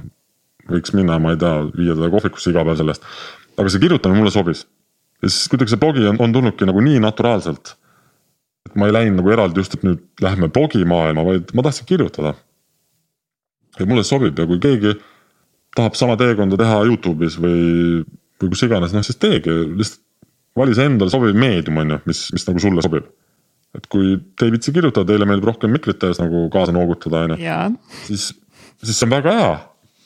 aga tihti minu puhul ka, mulle mingid inimesed kirjutavad, saadavad oma blogilinke, et näed, tegin ka blogi ja sa juba loed sealt, et ta on nii puine selline. et see ei ole üldse selle inimese, noh, ta võib-olla vaadanud mind, et näed, nüüd mul juba tuleb blogist raha, on ju, et okei okay,, ma teen ka, et saada raha. või hakkan tegema podcast'i, et ma ei tea, teenida või saada kuulsaks. aga kui see ikka ei ole see sinu, noh, ei tule siit naba tagant nagu sügavalt, siis noh, seda on aru saada. et seetõttu mulle see kirjutamine jäi ja, ja sobib aga investeerimine, kuidas see üldse algas sinu jaoks? see saigi alguse ühest koondamisest, kus ma olin nii, et. kas see oli siis see teine koondamine või? see oli teine koondamine jah. nii, räägi sellest koondamisest meile. see oli, noh ta oli sihuke, kuidas seda öelda. ma olen äh, suutnud nagu oma elus niimoodi raha teenida ja hoida sellega normaalselt ümber käia, aga aga ma sest kuidas, kuidagi sellest teisest koondamisest, siis võib-olla seda investeerimist oli ka rohkem juba avalikus ruumis niimoodi jutuks tulnud, on ju. Ja kusjuures selle koha peal, seal töökoha peal mul käis ka näiteks Äripäev ja ma juba noh, hakkasin sealt midagi lugema vaatama. siis, kui ma jälle jäin nagu üle noh, sellest seltskonnast, siis ma mõtlesin küll, et okei okay,, nüüd aitab, et ma. ma tahan nagu elu ikkagi enda tingimustel elada. ja mul ei ole ka olnud noh, siiamaani pole tulnud sellist enda asja, kus ma ütlen, et näiteks, et see on minu ettevõte või et ma nüüd seda tahaks kindlasti teha, on ju. ja siis, aga seal ei ole rohkem valikuid, siis järgmine valik on investeerimine. Äh, siis nii-öelda nagu saada rahaliseks vabaks või nii-öelda teine mingi sissetulekut, sa mõtled? jah, see, et ma ei peaks vastu tahtmist tööd tegema, sest jah, mulle meeldis müügitöö. aga mitte sellises mahus ka, et iga päev nagu üheksast viieni kogu aeg teha seda mingisugust. Äh, no okei okay,, ma lähen natuke nüüd kaugemale, et, et kui minul oleks ettevõte, siis äh, mina ei taha enda sihukest ettevõtet, kus mul on võõras raha ja ma pean iga kuu näitama investoritele korda neli kasvu või mingi kolm X iga aasta ja nii edasi. mina tahan sellist ettevõtet, nagu on äh, näiteks raamat Let my people go surfing mis peaks olema Patagonia brändi lugu. mul on seal viisteist inimest, keda ma kõiki tunnen, ma tean nende peresid, nemad teavad minust kõike, see on selline kooskäimise koht, kus me teeme asja. ja kui järgmine kuu meie tulemused ei kasva, siis kõik on okei okay. et kui kõigil on hea olla, kõik katavad oma kulud ja nad tulevad hea tujuga tööle ja noh, see Let my people go surfing oligi siis see pealkiri seetõttu, et äh, ma ei tea, kas nad olid äkki Californias. et kui on surfiilm, noh siis sorry, kontor läks surfama ja see oli okei okay. nice.. saad aru, ja see mulle meeldib, ma ei, ma ei taha olla villikud, ma ei taha olla Bolti omanik, ma ei taha vastata investoritele, ma tean, et sul on ka investorid, on ju. et, ähm, et ma tahan natuke sihukest võib-olla elustiili asja nagu teha, kus minu inimestel on hea, kus me oleme võrdsed ja. nagu. jagame tulemust, koos pingutame, koos tähistame. ja väga paljudes, noh ikkagi ka siiamaani on Eestis on ju ettevõtted, kus see kultuur, eriti müügis on see, et iga kuu on nagu tänane rekord on homne norm mm -hmm.. noh, sa lihtsalt põletad läbi, inimesed on sulle lihtsalt mingisugune. noh, sa põletad läbi, sa asendad nad järjest, on ju. Et noh, üks hea ütlus on veel selline, et äh, kett lühemaks ja kaus kaugemale. noh, et kogu aeg nagu pinguta veel ja veel ja veel ja järjest hullemaks. et ma olen seda ise nii palju saanud. et ma ei taha seda, ma tahaks teha just täiesti sihukese vastupidise asja, ma tahaks teha ühe sellise mõnusa ettevõtte, mis toimib. millest ei tule Amazon, mis on okei okay ma ei taha nagu Bezose kombel keeglikuuliks muutuda, juukseid kaotada, ma tahan, et oleks mõnus. aga miks sind koondati, kas sind koondati või vallandati? Vallandatud ei ole, see vähemalt see nagu on, koondamine jah ikkagi alati, seal on ka mingid muud põhjused. et kas ongi mingid raskemad olukorrad või, või mis iganes, et. et see oli ka selline pool kokkuleppeline, ma tundsin ka, et ma ei taha seda enam olla. ja me tegime ka kokkuleppe, nii et noh, et koondamisega. kas see oli, kas see oli jälle müügitöö või? See oli ka müügitöö aga kuidas see, kuidas see siis mõjutas sind nii-öelda see poolvabatahtlik koondamine, et kas see kuidagi lõi nagu, oli see maksakas sulle või pigem oli see kergendus või? see oli kergendus. juba teist korda aga, aga ta oli kergendus küll, sest ma sain ka nagu aru, et teine kord noh, kui sa saad nagu samasuguse löögi, et noh, siis võta midagi ette. ja selles mõttes oli kergendus, et tegelikult ma pärast seda tegin veel müügitööd lihtsalt nagu täiesti teistsuguse kultuuriga ettevõttes. sealt ma sain aru, et ei ole nii, et, et müügitöö on lihtsalt üks, et see on müügitöö, võib olla väga erinevaid ettevõtteid ja see, kuidas sellele lähenetakse, see, kuidas seda hinnatakse mm või mõõdetakse, on ju. et, et ma sain järgmises kohas, ma tegin veel, see jäi mu viimaseks tänaseni nagu siis palgatööks, on ju. kus oli hoopis teine nagu vibe ja see oli, see oli mõnus nagu. aga võib-olla sinus endas vist oli ka nagu midagi muutunud üldse nagu see, kui palju Nad ühesõnaga, sa ühel hetkel võtsid vastu otsuse investeerida, aga sa nagu ma saan aru, kui ma mäletan õigesti sinu blogi alguses, siis sul ei olnud investeerimise kogemust ja sul ei olnud ka nagu suurt äh, raha kõrvale pandud juba. mingit väikest fondi, mida sa hakkasid investeerima, et kuidas see nagu algus oli ja, ja, ja kas see oli nagu hirmus sinu jaoks, kas sa nagu põdesid, palju esimene investeering oli ja kas kuidas see nagu noh, tavainimesena. üks küsimus korraga seal oli. hullult praegu meelde jätta. seal oli mingi neli tükki praegu hea point millise ma valin sellest nüüd, et. no sa ütlesid, et sul jäid neli tükki meelde kuidas ma alustasin, ma alustasin, mul ei olnud raha, mul ei olnud kogutud ei fonde ega mingeid reserve okay,. eesmärk oli nagu see, et, et okei okay,, enam ei taha, et keegi mind koondaks ja ma tahaks elu elada omal tingimustel, oli nagu sihuke üllas suurem eesmärk. jah, enda tingimustel elamine, et see on selline tõesti, kus, et näiteks kui ma homme ei lähe tööle, siis ei jää ka konto kohe seisma mm. -hmm. et noh, midagi seal ikkagi toimub edasi, mingi asi ikkagi vaikselt nagu tiksub, sest. mida ma nagu tahan rõhutada tihti ka, mida ma ütlen, on see, et, et okei okay,, täna näiteks sulle meeldib teha sinu tööd ja sulle ka, on ju. nüüd üks päev äkki enam ei meeldi või sa väsid või elu muutub või mis iganes. siis kui sa sinna jõuad, siis sa ei saa hakata sealt nagu alustama selleks hetkeks valmistumist, sest see hetk on juba käes. sa peaks selleks valmistuma täna sest hetk võib tulla mingi hetk nagu, mina ka, ma tegin veel oma ühte oma palgatööd, seda viimast, on ju. ja ma teadsin, et, et üks päev ma seda enam teha ei taha. Sellepärast, et ma tahan ise rohkem oma aega juhtida ja ma hakkasin selleks varem valmistuma. et siis viimasel palgatööl ma kogusin, päriselt säästsin, investeerisin, käisin tegemaski õhtuti veel midagi ja mingeid üürikortereid ja noh, kogu aeg nagu ikkagi sebisin teadmisega. et ühel hetkel ma tõmban juhtme seinast välja, ütlen, et, et nüüd ma proovin ise hakkama saada kuidas sa alustasid? ma alustasin investeerimist, mul palk oli tuhat eurot. Millest kulus ära umbes seitsesada viiskümmend, mul on siiamaani need esimesed mingid tabelihakatised nagu alles. millest jäi umbes kakssada viiskümmend eurot. ja siis sellest äh, noh, seal kaheksasaja viiekümne sees oli veel see, et kui ma tahtsin välja minna, noh vaata. Need fikskulud, noh et sa ellu jääks, on ju, et sul mm -hmm. katus olid seitsesada viiskümmend mhm ja selle kahesaja viiekümnega ma hakkasingi laveerima, et äh, üks kuu ma investeerisin viiskümmend eurot. noh, teine kuu võib-olla sada, siis võib-olla jälle kulus rohkem. Lihtsalt nii madalalt. kuhu sa hakkasid alguses investeerima? ma kõige esimese asjana ostsin kindlasti mingeid aktsiaid nagu Tallinna börsiaktsiaid ja tegin ka mingitesse ühisrahastusportaalidesse kohe kontod. sest jälle psühholoogiline efekt nagu kui sa investeerid Tallinna börsil dividende saad korra aastas. kui sa täna investeerid, on väga tore, sa saad mais dividende. kui sa alustad investeerimisega augustis, siis sa saad dividende mais ja noh, istu nüüd ära see üheksa kuud või mis iganes aeg on ju, päris raske on istuda. ühisrahastusportaalid see hetk olid väga head, ma ei tea, kuidas nad täna, kas nad niimoodi toimivad. Nad saatsid sulle iga hommik meili peale raporti, et näed, sa andsid mingid laenud välja, sa teenisid null koma null neli senti et noh, see ei ole suur raha sellega ei ela ära väga kaua. aga see, et sa iga hommik, aga sa näed iga hommik sa saad, noh, see on nagu see tagasisidering, et sa saad iga hommik tagasisidet. täna pingutasin, homme keegi ütleb tubli olid. Mitte see, et täna pingutad ja siis ma tulen mais, ütlen sulle, et tubli olid. et siis ma, ma ei tea, kas ma oleks suutnud, ma võib-olla oleks, sest ma olen üsna järjepidev mm. -hmm aga need, kes alustavad, nendele ma ütlen, proovi küll leida mingi koht, kus sa iga kuu saaksid näiteks kohe midagi natuke tagasi. et sa näed seda kohest tulemust sest tulemus motiveerib ma mäletan sinu blogi äh, lugedes just, kui ma nagu hakkasingi otsast pihta sellega ühel hetkel, siis. võib-olla ma olen ka nagu enda peas selle kõik nagu nii poeetilisemaks mõelnud, selle sinu loo.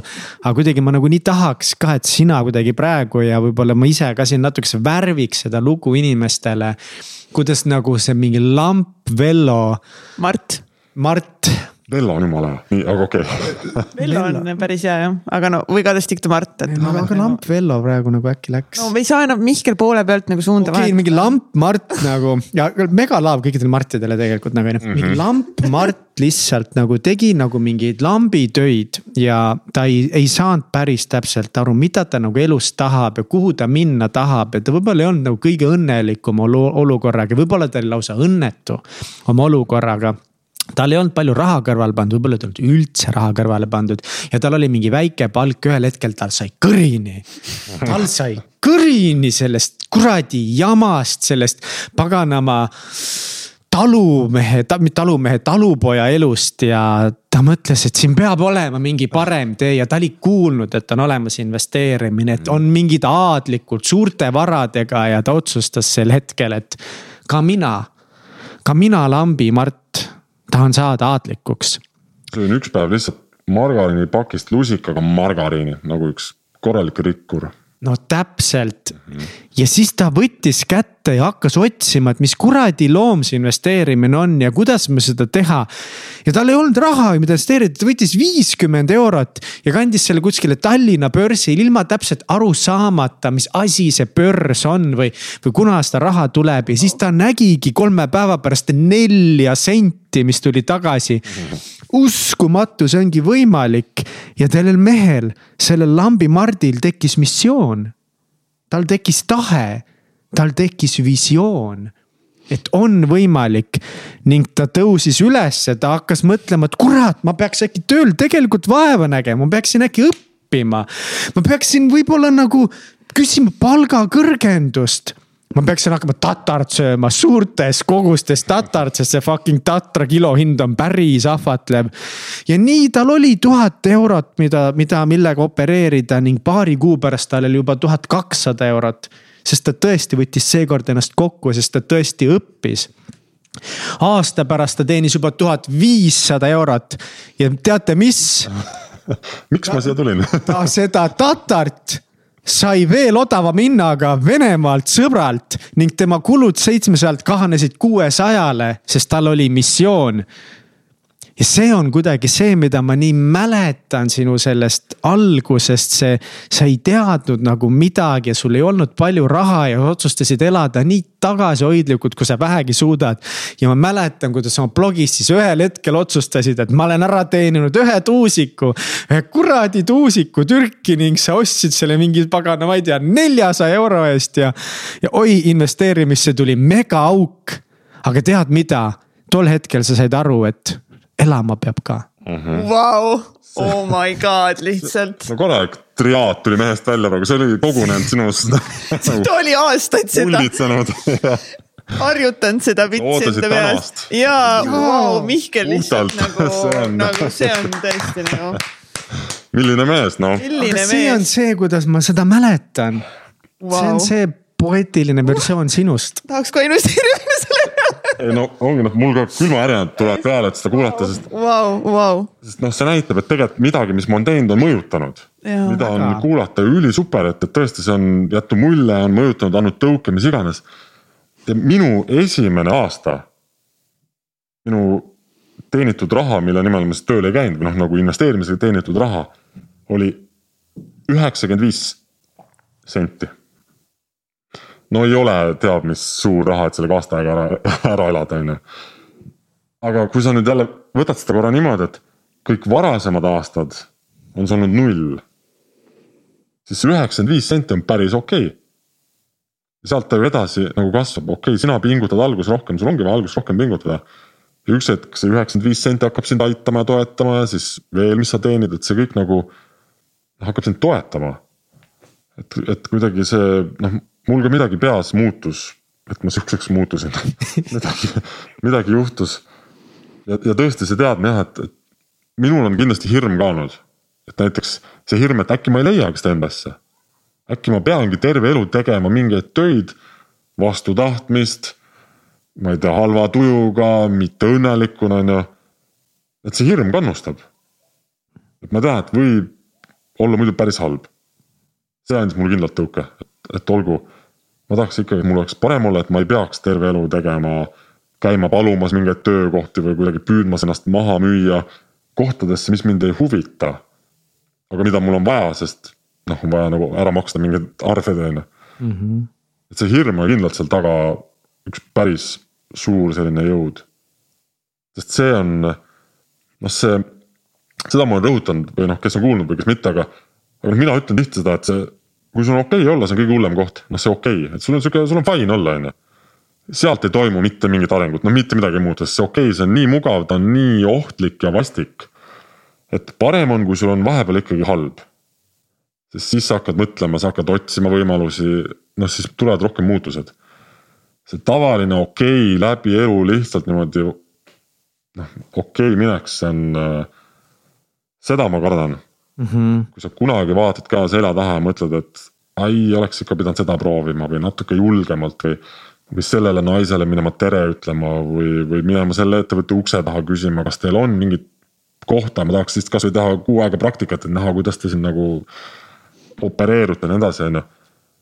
et, et jah, kuidagi mina siiralt usun sellesse, et, et on vaja nendes aukudes käia.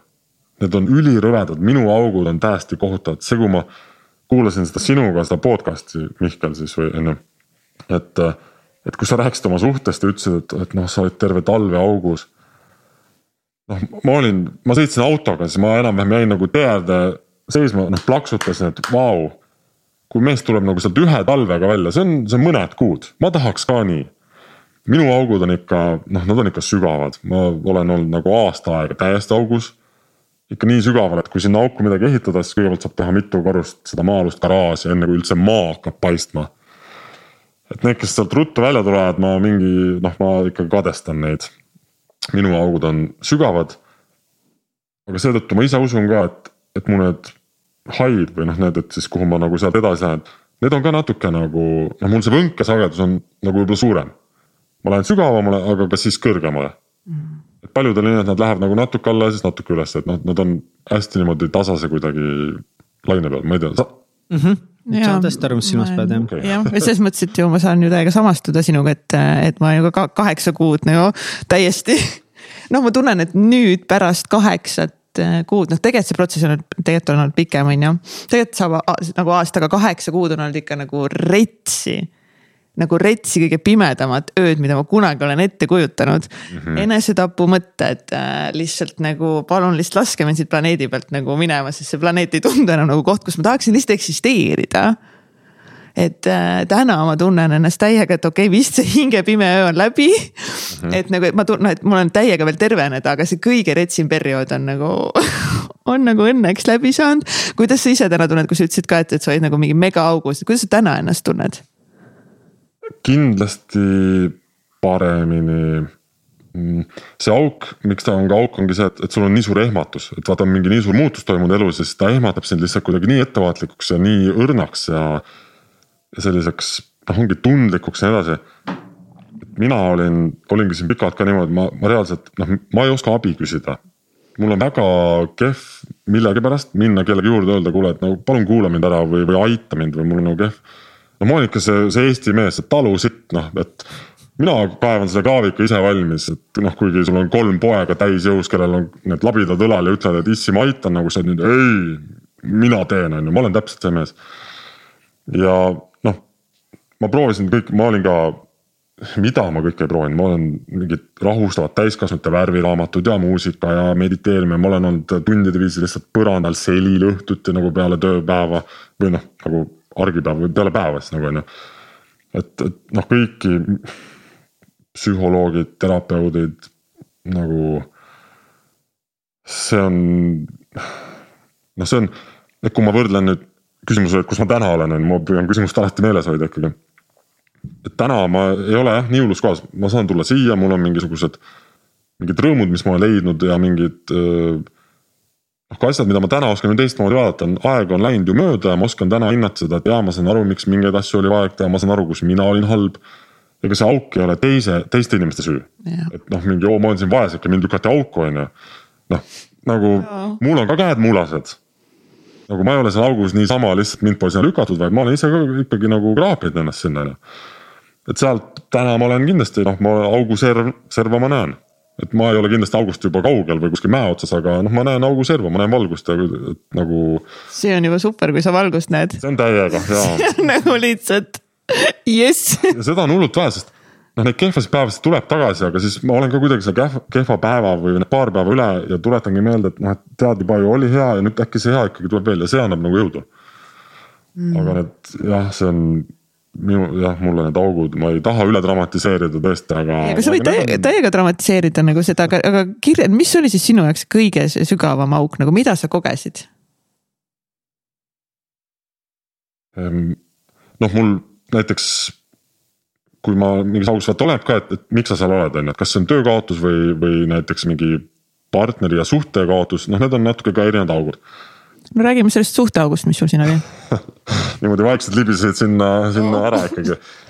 et see on, noh, see tunne on jälle, mida on endal hästi raske välja öelda, et see on selline mittetahetuse tunne või noh, on mingid paralleelid on koondamiste või töö kaotuse või millega iganes, see on nagu ikkagi leinatunne, sa oled kuskilt on nagu arvatud, et sind pole vaja. ja see,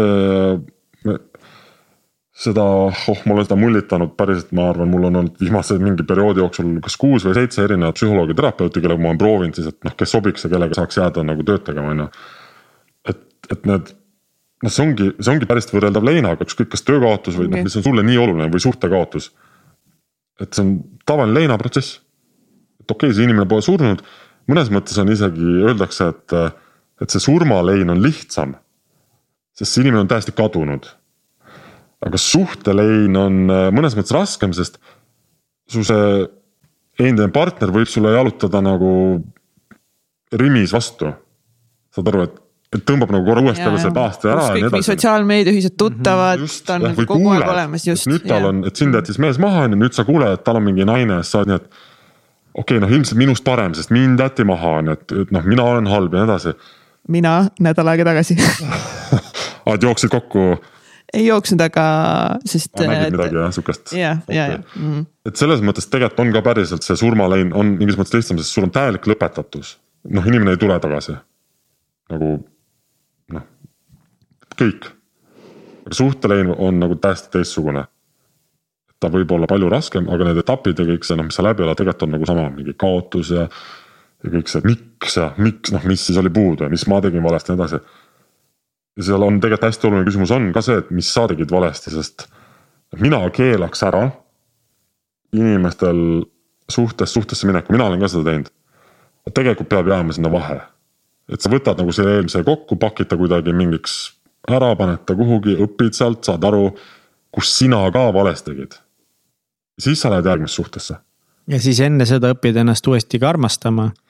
Jaa. et selles mõttes, et nagu jah, et ühtepidi me saamegi õppida ja me teemegi vigasid, aga see noh, mida me ju tegelikult tunneme, on see, et ma ei ole väärt mm. -hmm. ja sa saad väärt olla alles siis, kui sa hakkad ise uskuma seda, et ma olen väärt. jah, aga seda on eriti raske peale seda, kui sa tunned ennast väärtusetuna, noh peale sihukest mhm. pauku on eriti raske endale sisendada, et sa oled väärt, see on nagu kuidagi. see on nii suur hüpe peab seal olema, et. Äh, et minul on ka, mis ma näiteks eelmisest suhtest õppisin, kus mul oli täiega, ma ei tea, miks varem nagu polnud olnud, aga selles suhtes oli sihuke anxious attachment style, et selline clinch'i ja, ja mingi, et noh mm. -hmm. saan, saan samastada et no kust see tuli või, või mida ma siis kartsin, ma olin ebakindel või noh. aga mis sa arvad, kust sul tuleb see või kust sul tuli see? Ma arvan, ma ei, ma ei ole mingi väga nende teooriate pooldaja, et, et mitu põlve ja et kuskil midagi juhtus. aga, aga sinna lapsepõlveni ma usun küll, sest see on reaalselt mind mõjutanud mu elusoleku ajal juhtunud asjad, on ju et noh, ma olen ka alati näinud, kuidas noh, vanema tähed hommikul ära lähebki tööle, nädalavahetusel ka, ega me midagi koos ei teinud ja ma kuidagi nagu tahtsin, noh, ma tahtsin nendega koos olla, ma tahtsin kuulda oma vanematelt mingeid häid asju, ma ei, ma ei kallista oma vanematega. ma ei ole, ma ei ole mitte kunagi kuulnud, et nad ütleks mulle, et nad armastavad mind, null. üks lugu siia vahele korraks oligi eelmisel aastal, lihtsalt see on mul värskelt meeles mm. -hmm. isaga suhted tavaliselt meievanustel meestel on eriti rasked, sest noh, see, need põlvkonnad on teistsugused, on ju. me ei saa neid süüdistada. aga ma kinksin oma vanematele reisi siis nad sealt reisi pealt helistasid mulle, isa helistas. ja rääkis mingit juttu, noh ilm on sihuke, noh sihuke Eesti meeste jutt on ju, et mingi noh, kõik on okei okay.. ja siis ta sinna vahele ütles nagu, et et aitäh, et selle reisi eest ja noh, et noh, siin nüüd kõnnime ringi ja läheme sööma. ja mul jäi see, et aitäh, esimest korda elus wow.. see oli eelmise aasta detsember. ja saad aru, kui, kui see on sinu level, et su isa ütleb sulle aitäh, selle sa võtad nagu kuidagi, et see on nii soe. siis noh, saad aru, kui vale see lähtepunkt on, on ju, ta on ju nii madal, nagu lollilt madal, ei tohiks nii olla. et täiesti, noh sealt lapsepõlvest kindlalt on mul midagi sihukest kaasas küll, et see, see anxious selline. aga nüüd ma olen nii rahul, sest ma tean, et see oli. ma tean, kuidas sellega töötada, ma tean, mida nagu muuta, on ju, et. noh, ega teine inimene sind rohkem ei armasta, kui sa teda püüad nagu kinni hoida ja tõmmata. ta hakkab sind veel vähem armastama ja tahab veel rohkem ära minna. ta tahab veel rohkem ära minna jah, et, et seal tekivadki need ähm, jälle mingi psühholoogide see võrdlus on see, et sa oled kas kilpkonn või siis rahetorm. et kui näiteks tülid ka on et siis see rahetorm on see, kes muudkui tuleb peale mingi noh, teeme ja lahendame kohe, hoiame ja siis see kilpkonn noh tõmbab järjest rohkem nagu sinna sisse ära. ja sealt, sealt ei tule mitte midagi head. ja see anxious, see stiil on natuke samamoodi, et üks on mingi jookseb, jookseb ja teine on nagu veel rohkem nagu vau, kuule. nüüd sa ajad taga ka mind veel, et noh, ma jooksen nüüd eest ära nagu eriti kiiresti on ju. et seal on neid õppetunde on lihtsalt, kas sa julged neile otsa vaadata ja ise mingeid asju muuta või siis sa lihtsalt hüppadki kohe järgmisse kohta, otsid sealt sama asja, mis sul enne oli puudu ja sa kordad seda mustrit. noh, selles mõttes forever, et ega ükski su suhe ei muutu ka, kui sa lihtsalt lähed sama mustrit kordama kogu aeg. nägu ainult muutub. no nägu muutub jah, et sa otsid seda trilli, et see, et sul on see kaks aastat mingit papilaavi ja see kõik on tore, on ju. aga pärast seda sa oled ikka samas kohas, kus sa olid ju oma eelmise suhte nagu noh, täpselt samad asjad korduvad, miks peaks midagi teistmoodi olema mm? -hmm aga mis sa, mis, mis, mida sa veel nagu kogesid selles kõige madalamas augus, kas sa kogesid ka viha, raevu, tohutut kurbust, ängi, kõike korraga? no see on tõesti mõnus sihuke sihuke assortiikarp, et ükskõik mis kommi sa võtad, see on nagu sitt komm. Et noh, lihtsalt tõeline jah, seal on kõik ikka sees viha muidugi, sest noh, kuidas saab keegi sulle nii teha, on ju, mis tal viga on, miks ta sihuke tropp on? kuidas ta ei näe, et ma olen nii hea? noh, ja siis, noh, siis on mingi kurbus ja muidugi, et noh, et kuidas nüüd mind üksi jäeti või, või noh, et kuidas nüüd mina üksi olen või. mis ma nüüd tegema peaksin ja, ja ärevus tuleb ka kohe sisse, siis mõtled, kas nii jääbki, kas ma jäängi üksi, kas, kas nüüd ongi, äkki see oli mu viimane suhe. noh, mhm. kuigi sa oled umbes mingi, ma ei tea, kolmkümmend viis või mis iganes on ju, et noh mis mõttes viimane suhe, halloo on ju. aga nende hetkel sa ei, sa ei mõtle ju nii, et noh, see on ju täiesti teistmoodi, sa oled lihtsalt. sa oled nii neandertaal ikkagi, et see mingi emotsionaalne osa, see on meil ju viimase paari aasta noh, nagu iPhone lihtsalt. su aju ei ole tegelikult veel iPhone'iks valmis mm. -hmm. su aju pole nendeks emotsioonideks valmis, sest me oleme, praegu me oleme olnud kaks miljonit aastat neandertaalid. me ei muutu kahekümne aastaga järsku mingiteks emotsionaalselt osavateks ja noh, et. et see on nii raske jah, et siis sa ei oska toime tulla kõikide nende asjadega, et need. ja sellest, noh, sa teed endale haiget tegelikult.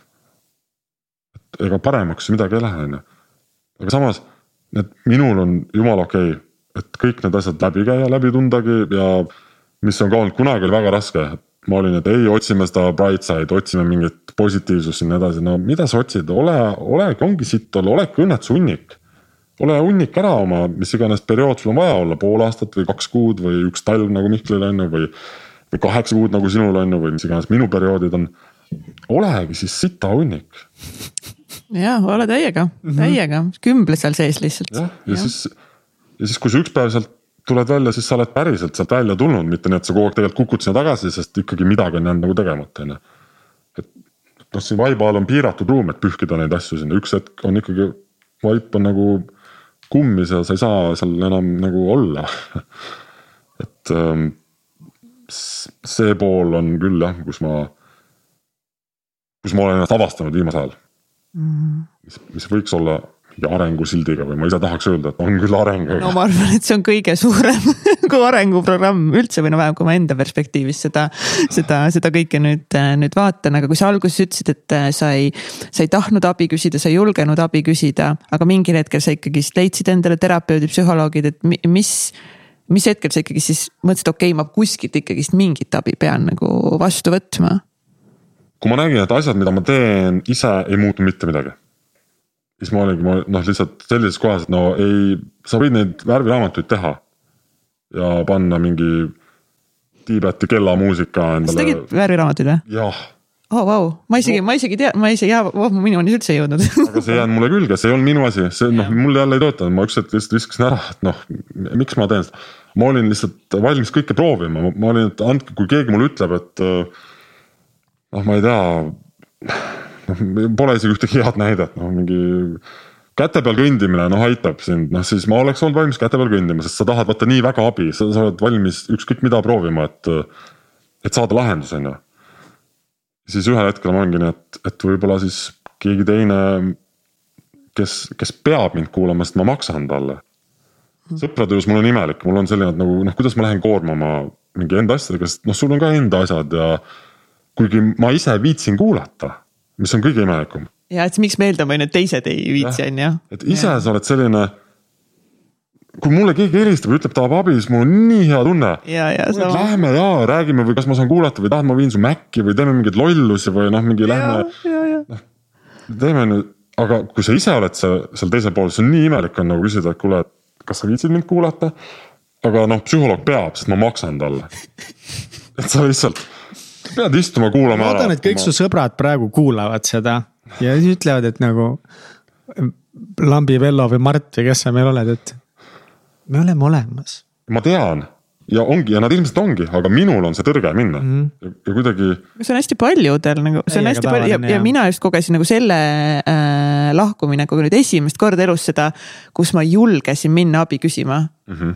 ma päriselt julgesin, sest nagu ma, ma ei tea, et ma oleks muud moodi nagu sealt august nagu välja roninud, kui ma lihtsalt võtsin kätte ja ma ütlesingi, mul on nüüd konkreetselt kõige ropumad sõnad, mis tulevad, on ju, siis see olukord nagu ei saa, aa mul lihtsalt pekkis, on ju. ei, mul on täiesti ja et nagu palun abi.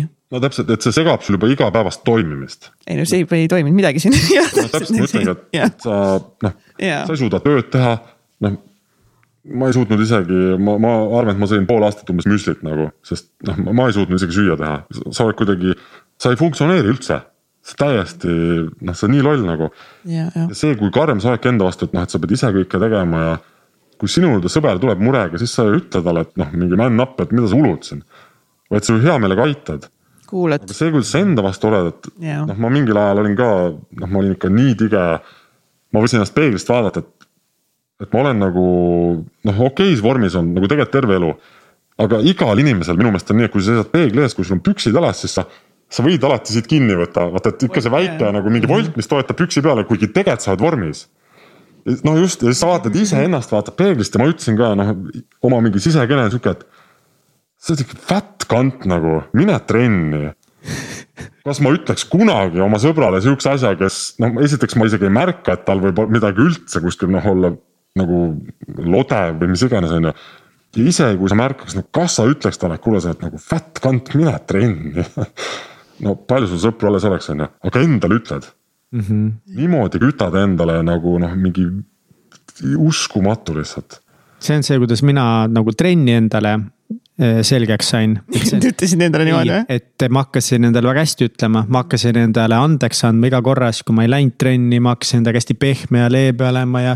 see on okei okay,, et ma praegu ei jõudnud trenni ja, ja ma olen jumala kena ja ma olen ilus ja see aitas mul täiega selle trenni asja kätte saada. just see endaga hästi rääkimine just nagu konkreetselt füüsilise pildi ja trennis käimise kehva harjumu, harjumuse osas mm. -hmm jah, ja eks see kindlasti on ka saladus see, et, et sa võib-olla noh, leiadki mingi õige asjand, mis sulle sobib, on ju, mida sa meeleldi teed ja, ja kui sa midagi naudid, siis ega need tulemused tulevad ju tegelikult noh, by default, nagunii nad tulevad. ja sa teed midagi, meeldib, siis see ongi selline super kombo. et vastu tahtmist käia, noh, sa, sa ei jõua, keskmine inimene ei jõua käia üle poole aasta teha mingit trenni, mis talle tegelikult ei meeldi. üliraske. et siis noh, mõtlegi, proovi teisi asju ja nii edasi. aga jah, et see, see nagu karm olek, aga minul ei olnud see nii, et ma nüüd lugesin raamatut ja siis hakkasin ka sisendama endale mingeid peeglis siukseid neid affirmation eid, et sa oled ilus ja sa oled hea. no see ei tööta, mul ei töötanud. aga mul mingi hetk lihtsalt, lihtsalt muutus kuidagi see, et, et ma olin nii, et noh, üldpilt on hea, ma tegelikult olen vormis. ja vormis olek ei ole ka see, et noh. mul ei ole jah, six-pack'i, mul ei ole biitsepsi mingi viiskümmend sentimeetrit on ju. aga minu vormis olek on see, et ma jõuan vabalt lõuga tõmmata, ma võin teha kätekõverdusi, ma võin muscle up'e teha, mul on et see mõõdupuu alati ei ole üks. see on päris hea mõõdupuu no,. Ma, ma, ma tahangi just öelda, et see mõõdupuu pole alati üks ja sama, et, et kui sa ei suru sada kilo, on ju, siis sa oled nõrk. noh, kuna väga paljud suruvad, siis on see võetud nagu mingiks normiks. aga mine nende surujate juurde ja näiteks kui sina, Mihkel, suudad äh, ujuda viissada meetrit ja nemad ei suuda. noh, siis nad ei ole ju nõrgad nagu noh, sa ei saagi neile nii öelda, aga nemad sulle saavad kuidagi öelda, et mis mõttes sa ei suru sada kilo, et noh -hmm..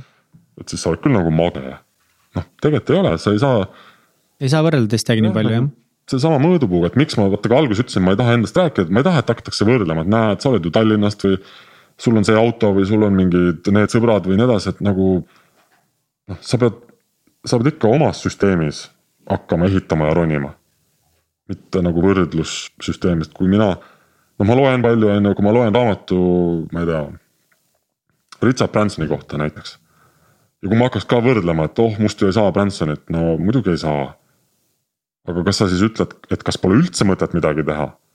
või sa saad aru, et noh, sina selles enda maailmas võid olla Branson, sa võid olla see, kes täna on kehvasti, aga homme sa oled nagu jälle parem ja sa jõuad selleks nagu enda Bransoniks, noh piltlikult mm -hmm. öeldes on ju. et sellepärast see võrdlemine ongi nii kehv ja ma ei tahagi seda tuua kunagi sisse jah, et.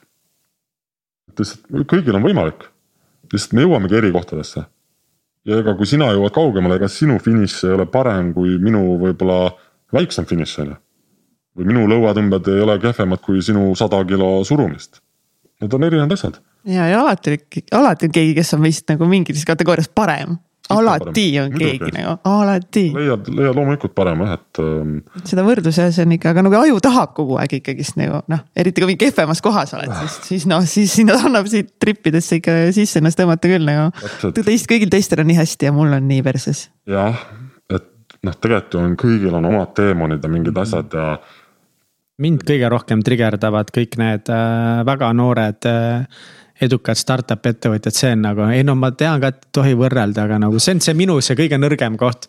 on kõik mm. need Forbes thirty, under thirty noh, kõik need kuradi alla kolmekümne aastased mingid üliedukad ettevõtjad, siis mingi minge perse kõik, kurat küll, no ma kolmkümmend kaks pekkis läbi, no mõtet teha üldse enam noh jah, aga noh, see ongi, sa avaldad selle kolmkümmend under kolmkümmend on ju, selle mm. mingi eliit, mingi täiesti absoluutse mingi pisiosa maailmast on ju. Aga sa võid hakata ise mingit solgi nimekirja pidama. läbikukkujad, põlejad on ju, et siis sa võid võrrelda, et näe, mul on päris okei okay,, sest ma pole seal solgi nimekirjas, noh, et kes nagu kahe kuuga kukkus oma idee läbi, et. kõik alla kolmekümne aastased, kes on vangis. jah, täpselt Under thirty in jail. noh, just saabki panna nagu dirty thirty, sellised. Dirty thirty, uu nice. et see on, see võrdluse koht on jah, see on nii vastik nagu.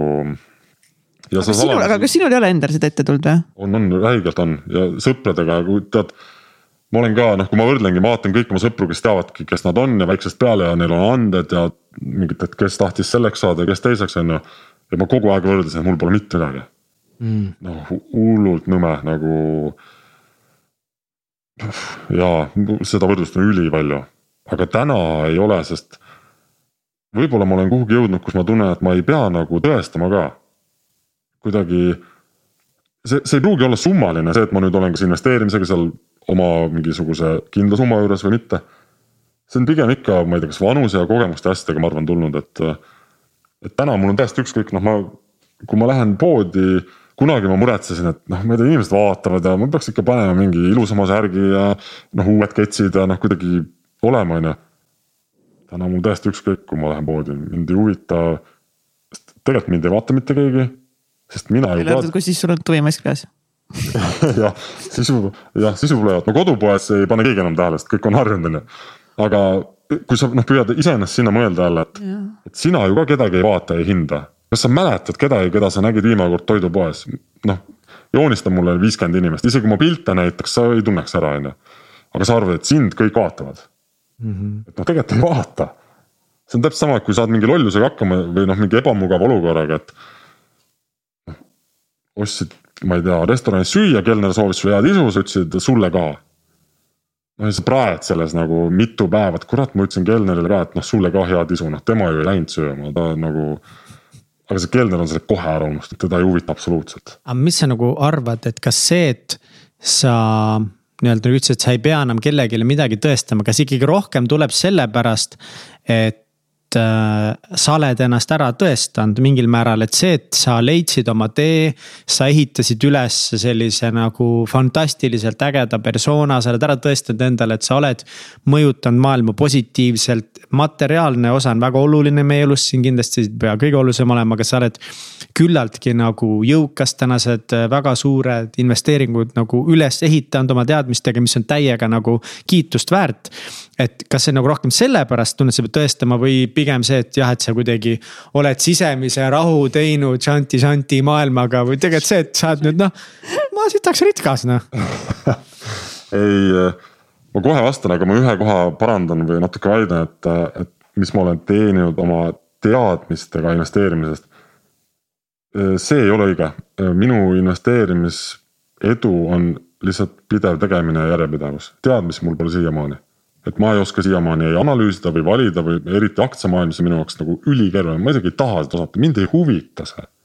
mis on võib-olla kõige veidram mul välja öelda või kellelgi kuulata, et mis mõttes sind ei huvita, aga mind ei huvita. minu jaoks kõige parem investeering on see, et ma teen mingi investeeringu ja ma unustan ta ära ja ma tean, et sealt tiksub midagi nagu kogu aeg tagasi ja ma saan minna jooksma. et ma ei taha veeta mingi analüüsides aktsiaid nagu oma päevi, ma vihkan seda, see on just vastupidine. aga see tõestamise osa võib-olla on jälle natuke seal nagu see perefirma, kus ma kunagi töötasin, et. või endale tõestama, et ma saan hakkama.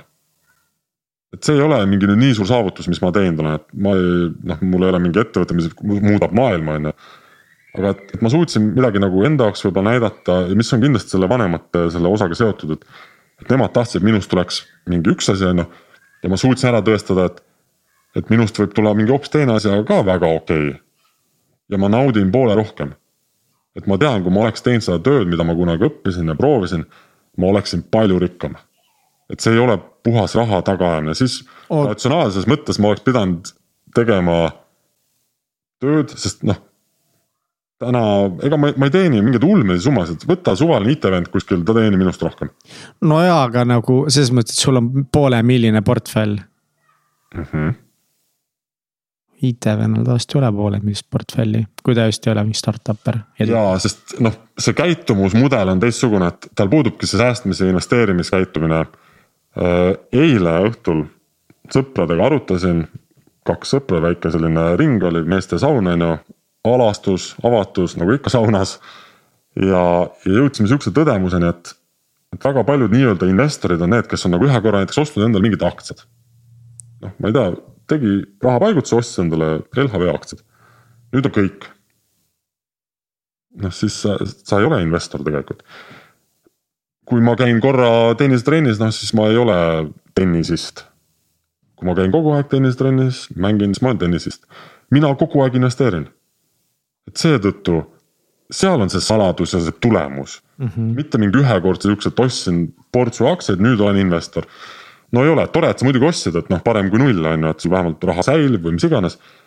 aga see on lihtsalt see, see järjepidevus, see, et sa teed. distsipliin, järjepidevus, ei absoluutselt, ma olen nagu täiesti selle poolt, võib-olla ongi nagu sa tegelikult tuud, mis sul, mis sinul see nagu see säästuprotsent oli esimestel aastatel? kas me lähme kohe sinna nüüd? me ei pea minema veel. teeme teemaga täiega pooleli jah? jah, davai. me, me läksime siin sealt lihtsalt edasi, et oligi see, et, et see koht, kus need värviraamatud ei aidanud Mm -hmm. et see koht, et kus sa otsustasid ikkagist, et mis koht see oli, kus sa otsustasid ikkagist päriselt, et teraapiasse minna ja ikkagi seda abi küsida um,? seal ilmselt oli mitu asja, kindlasti üks osa oli see, et, et mu siis endine partner, kellega ma koos olin, ütles ka, et noh, kuule mees, sa vajad abi nagu, et noh, mine ja nii edasi. ja nojah, et võib-olla ta, ta ei mõelnud võib-olla seda see hetk nagu heas mõttes, et noh, sul oleks tore saada abi, vaid, vaid võib-olla mõtles teistmoodi, sa oled nagu hull, on ju. aga noh, vahet ei ole, see ei ole üldse mingi kellegi süüdistamine mm -hmm. või mitte midagi mhm. sellist. aga, aga noh, kuidagi. ma ei tea, mis see noh, konkreetselt niimoodi näppu peale panna, et see, seda on väga raske öelda, sest isegi kui keegi suudab sulle öelda näiteks tema elu muutva päeva, et. no ma ei tea, täna hakkasin investeerima, täna elu muutus, on ju. Siis jah, sa võid näpu sinna päeva peale panna, aga see otsus on tegelikult ehitatud juba noh, aasta või, või pool või kaks või kolm. ta on nagu varem hakanud, noh, see build-up on tegelikult nagu varem toimunud. et minul ka kindlasti juba enne, noh, ma tundsin, ma mingeid olukordi ei oska lahendada. ma tahaks palju rahulikumalt kuulata. ma tahaks nagu ise mingites asjades parem olla, et noh, ma tahtsin saada rahas paremaks, selge, ma hakkasin lugema, õppima, investeerima ja ma sain rahas paremaks, on ju. ma tahan olla ka inimsuhetes parem, sa pead õppima, kuulama, minema küsima, on ju. võib-olla mingi sihuke loogiline järeldus lõpuks oligi, et, et noh, ma ise jõuan mingi piirini et okei okay,, ma ei pannud jah paela kaela endale, ma ei teinud suitsiidi, on ju. aga ma ei saanud ka paremaks. aga kas sa mõtlesid selle peale? Kui aus olla, niimoodi tõsiselt ei mõelnud. aga mitte tõsiselt? noh, muidugi jah, mingi mängid mõttega umbes, et, et mis oleks, aga, aga see on sihuke see pole üldse punane lipp, kui ma nii ütlen, et näiteks kui keegi praegu kuuleb ja ütleb, et ohoh, et selles vennas on mingi soodumus, siis tegelikult ei ole. ise kuidagi vaata seest tunned ära, et kas ta on lihtsalt sihuke lollitamine või ta on nagu mingi ja, ja, päris on ju. minul ta päris ei olnud. et selles mõttes oli nagu hea, et ma tundsin ikkagi, et, et nagu jah, väga halb on olla. Väga vastik, väga valus ma, ma ei tea, kas ma, ma ei pannud seda tähele, et kas ma võisin endale näiteks öelda, et noh, et see on mööduv või et on veel mingeid ilusaid asju kindlasti tulemas või on olnud või. et noh, sul on mingi pere, kes on ju tore ja sõbrad on ju, et mingid asjad. kindlasti sees sul on see teadmine, isegi kui sa ei oska nagu seda see hetk välja öelda ja ma arvan, et alateadlikult need asjad hoiavad sul ka mingeid asju võib-olla tegemast nagu. et see on noh, mingis mõttes on see ikkagi nagu nõrkus ka natuke, kui sa ütled, noh, et nüüd on nii kriips all, et sa võtad nagu endalt elu ära, sest peale seda otsuse või teo tegemist, noh, sinul rohkem ei muutu mitte midagi, sa oled läinud, on ju. aga sa mõjutad väga paljusid selle teoga enda ümber ka, et noh, mõtle natuke teiste peale ka korra. et sina midagi teed endaga, noh, su ümber on nagu, see on ikka sihuke liblika tiivalöök, et väga paljusid see mõjutab niimoodi. et võib-olla lihtsalt minus on äkki ratsionaalsust või mingi, mis ka võib-olla noh, tuleb kasuks, on ju. et jah, nii ma küll ei mõelnud, nüüd ma sõidangi vastu puud ja, ja kõik, et seda ei, seda ei olnud jah ja.. kuidas, äh, sa läksid siis äh, teraapiasse, kas sa said, läks sul paremaks? kas sa said abi? sain, mul läks äh,, mul võttis ka nagu aega sihukest testimist, et miks ma räägingi siin kuuest-seitsmest inimesest, ongi see, et ma tundsin mitmetega, et noh, ei ole, ma olin. Üks oli mingi joonistamist terapeut ja mingid noh, ma olin ka valmis tõesti väga erinevat, noh kõike proovima mingi meeleheitel aga noh, enamus olid ikkagi siuksed konventsionaalsed, tavalised nagu, et räägime, peegeldame, noh mõtleme, on ju. et oli küll abi. aga noh, see on ikka see hästi raske leppida sellega, et sa pead ise nii palju tegema mm. tahaksid ikka minna, keegi teine tahaks minna maksta ja siis tulla ära noh, mingi lenneldes on ju, et nagu sai korda aga noh, nii nõme on kellelegi maksta ja siis ta ütleb sulle, et kuule, aga sina pead tegema, siis ma olin, kuule, ma maksan sulle, sina pead tegema ja siis ta on, et ei, sina pead tegema ja siis ma olin, et ma pean maksma ja tegema tööd ka, et nagu noh, see ei ole aus, on ju. jube raske on leppida sellega. ja noh, tõesti, ma ei tea, sealt, aga siis mingi hetk sa teedki. ja mind on ka aidanud näiteks noh, tõesti mingid lugemised või raamatud või, või kust ma olen õppinud seda noh, üks hea raamat oli Tugev aju näiteks. Äh, üks Rootsi noh, ma ei tea, teadlane ja kes iganes ta on, tiitlid mulle meelde ei jää.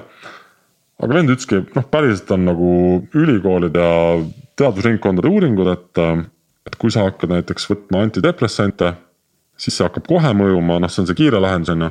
kui sa hakkad näiteks trenni tegema, eriti hea oli veel aeroobne trenn, siis kolme kuu pärast on mõju täpselt sama nagu antidepressandil kohe et lihtsalt wow. väga raske on see kolm kuud nagu seda trenni teha ja olla ikka veel seal nina noh, nagu seal sitalombis on ju. aga tegelikult mõju on sama. ja noh, palju lihtsam on võtta tablett on ju, sest ma lähen võtan selle apteegist, võtan tableti.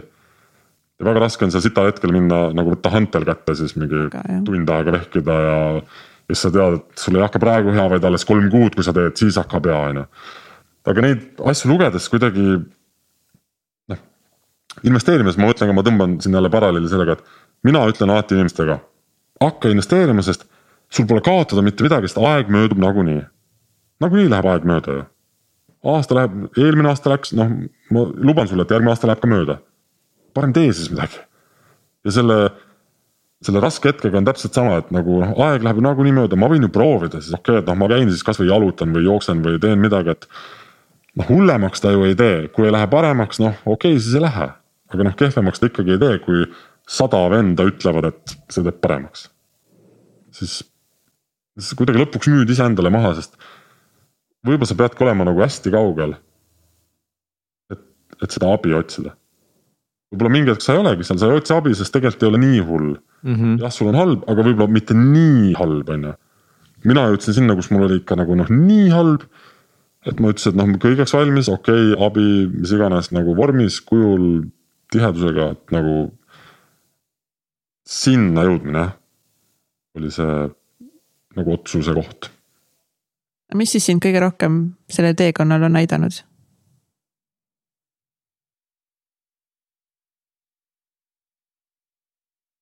ma arvan, et, et trenn tegelikult ongi. ja see on jälle selline, noh, see ei saa olla universaalne tõde, nüüd kui mind aitas, siis aitab ka kõiki teisi, on ju, sest kellegi jaoks see ongi joonistamine või värvimine ja see ongi, sa pead lihtsalt selle üles leidma, et mis see sinu see, sama nagu investeerimises, et kui mina ütlen, mulle meeldib üürikinnisvara, see ei tähenda, et see sulle sobib või sulle. võib-olla sobivad täitsa teised asjad. aga, aga see trenn on selles mõttes teraapia nagu ka vorm, et, et ma unustan ära korraks nagu mured. noh, mina näiteks, ma ei käi jõusaalis, sest, sest see on minu jaoks aeglane, siis ma olengi nii, et ma mõtlen ikkagi probleeme, noh natuke liigutad ja siis sa puhkad ja siis jälle mõtled, genereerid probleeme ja stsenaariume ja noh, nii edasi, on ju et mina teen sellist natuke teistsugust trenni, kus mul ei ole aega. mul ei ole aega istuda ja mõelda, et mis on halvasti, vaid mul on seal tund aega on nagu küte ja, ja mingi noh, fun ja selline. noh, kus ma ei, kus ma unustan ära, minu jaoks on hea viis see, et noh, mõni võibki näiteks kinno minna ka, sest ta läheb nii filmi sisse, ta unustab ära. mina seal ka ei unusta, et ma nagu, mina unustan trennis ära ja see on mind väga palju aidanud, et ja see on ka trenn, kus on teisi inimesi, ma saan seda sotsiaalset ringi natuke, suhtlema ma ei pea, sest noh, kõik on seal trenni eesmärgiga, on ju. aga seal on mitu komponenti, mis nagu mind aitasid, et mina tõmbasin ennast hästi üksikuks, ma läksin nagu täiesti koopasse. noh, eelmise aasta jooksul ma arvan, ma käisin nii-öelda nagu väljas, väljas. et noh, kas oli mingi üritus kuskil või asi.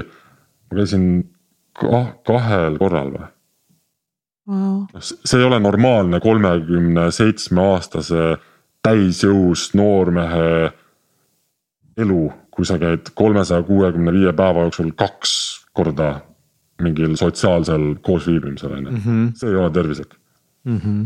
et noh, ma, ma lähen noh, nii läksin kuidagi nii üksi ära.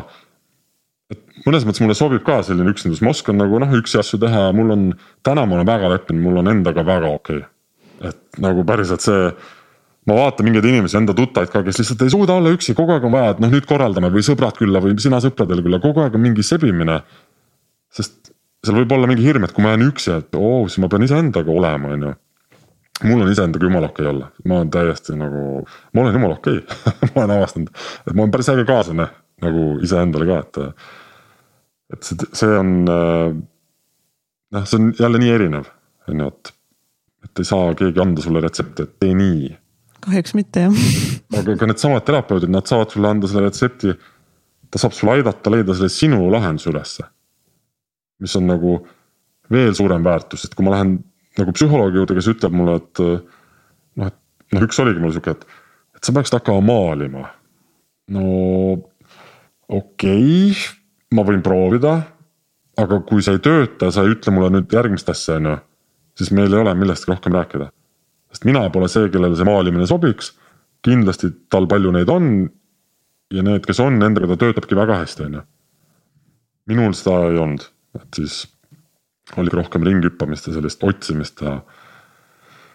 ja kuidagi jah mm, -hmm. et see praegu seda on praegu ka mul natuke nagu teraapia, see, et ma saan sellest rääkida. aitäh, et sa räägid ja jagad täiega, aitäh. oh my god, jaa. et aga, ja, ja miks ma noh, miks ma hindan seda, mis te ka teete, et, et te ju võtategi võib-olla mingis alas edukad inimesed ja näitate, et ka neil on kehvasid kohti ja külgi ja nõrkasid pooli ja asju. sest kui keegi näiteks tuleb, loeb minu blogi läbi, siis ta võibki vaadata, et noh, edukas vend, seitse aastat teinud ja on mingile tasemele jõudnud rahaliselt on ju ja vahel käib reisib. ja et elu on nagu titi-mitti, kõik on lill. ja mm., aga tule, ma räägin kolm tundi sinuga, et kuidas nagu mu elus mingid teised asjad on, mida mina ei oska, mida võib-olla just sina oskad paremini. sest tegelikult pole mõtet kadestada. et mingid asjad, mis sul on halvasti, on mulle hästi ja vastupidi. nii väga, väga hästi öeldud mis sa, mis sa õppisid veel nagu enda kohta nüüd kogu selle lahkumineku protsessi jooksul, mis, millest sa teadlikuks said? Jälle kohe võin väga nagu kiiresti öelda, et, äh, et liiga palju teisest inimesest sõltumine või enda sidumine suhtega või teise inimesega.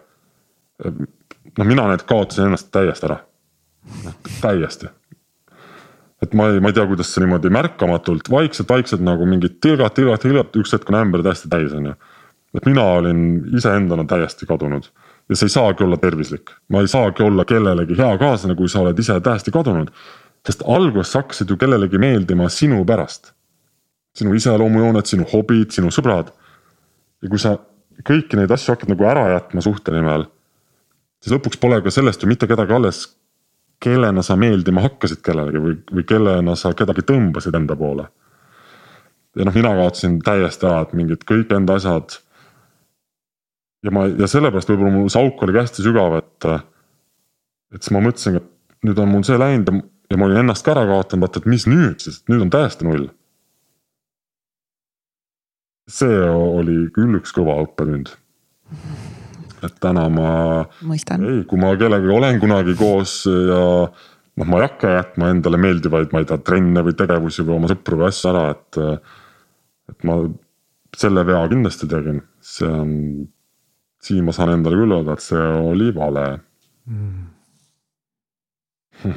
sihuke õppetund wow.. jep, jep, jep, jep, mõnus mm. -hmm.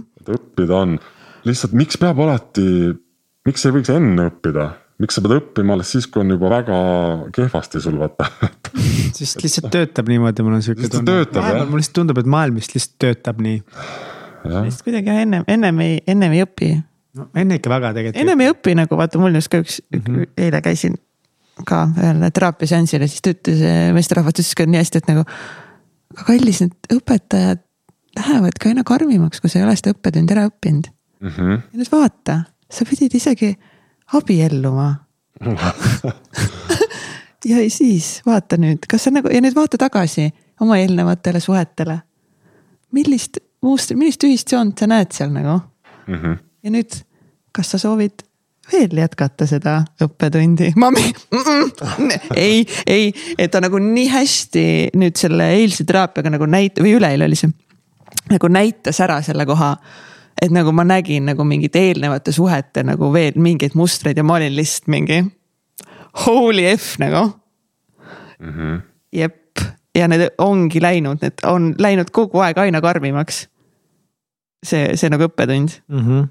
Et nagu alguses nagu ei saanud aru no,. aga nagu pehmemalt sa ei oleks seda ära õppinud ei olekski, sa pidid isegi abielluma, siis sa pidid nagu täiesti pilbasteks ennast tõmbama selles kohas nagu siis ma mõtlen, ei, kriips, tehtud, done, õppisin ära nagu, ma olen tehtud.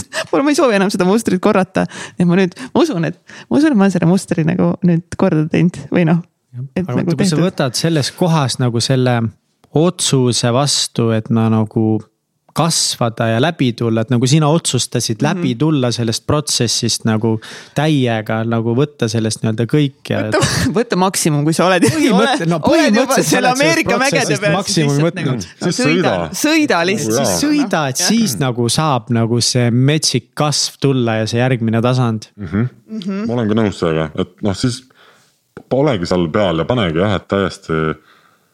et noh, jälle mingid asjad noh, mida mina õppisin näiteks, et mina suhtes ikkagi vaatasin nagu teisele inimesele niimoodi otsa, on ju, et sa ootad midagi temalt ja kuidagi selline.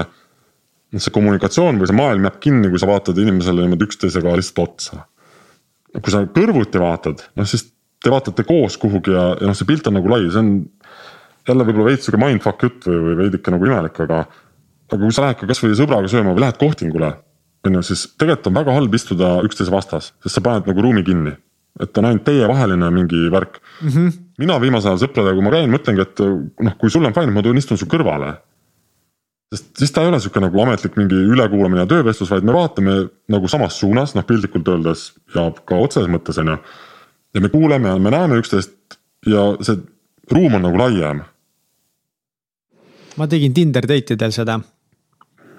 ja toimus jumala hästi no aga mingi, mingi seistud vastas, mingi vastasseis, ma nagu, aga no seda peab nagu veits tunnetama ja värki, aga nagu põhimõtteliselt. aga see on ma, väga hea point. ma tegin teadlikult, ma tahtsin kõrvale minna. sest seal selles konstellatsioonis ka mul nüüd ju, millest ma just rääkisin, oli ka täpselt samamoodi, et, et kui me panime nagu pärast nüüd äh, õige, õigesse nagu positsiooni need mehed mul, siis nad on kõrval nagu vasakult poolt hakkavad minema nagu kõrvale mitte, mitte otse ette ega taha mm, -hmm. nagu kõrvale, see on väga hea point mm. -hmm sellised, siis sa panedki selle ruumi kinni, ega see suhe ei lähegi sealt võib-olla kuskilt, sest mõlemad vaatavad üksteisele otsa ja ootavad ja. noh, pole sellist avatust ja kuidagi. jah, mingid, mingid siuksed nagu võrdlused või referentsid on küll, mida sa hakkad märkama, et wow.. aga pro tipp.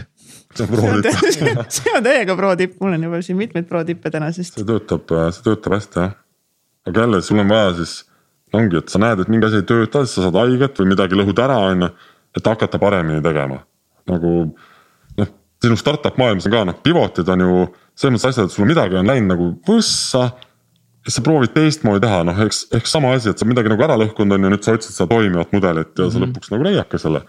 et see on täpselt sama loogika, et, et sa õppetund saad, siis sa lõhud mingi asja ära või saad vastu hambaid ma selles sinu protsessis ja, ja sellest august välja tulemisel, kui palju või kas sa oled nagu teinud mingit teadlikku tööd, teraapiat oma vanemate suunas, et mis sa arvad, kui palju nagu seda auku, kus sa olid, nagu mõjutas ka mingisugused alateadlikud sidemed, energiat, suhted sinu vanematega? ja kas nagu kuidagi nendega, nende suhte parandamine on kuidagi aidanud ka? vist vist ei ole, mul on ma olen ise vist sees nagu leppinud või otsustanud ka, et, et mu suhe vanematega on sihuke nagu on. et ma enam kuidagi ei igatse või, või ei proovi, jah, tähendab, siin on viga muidugi, igatsen küll.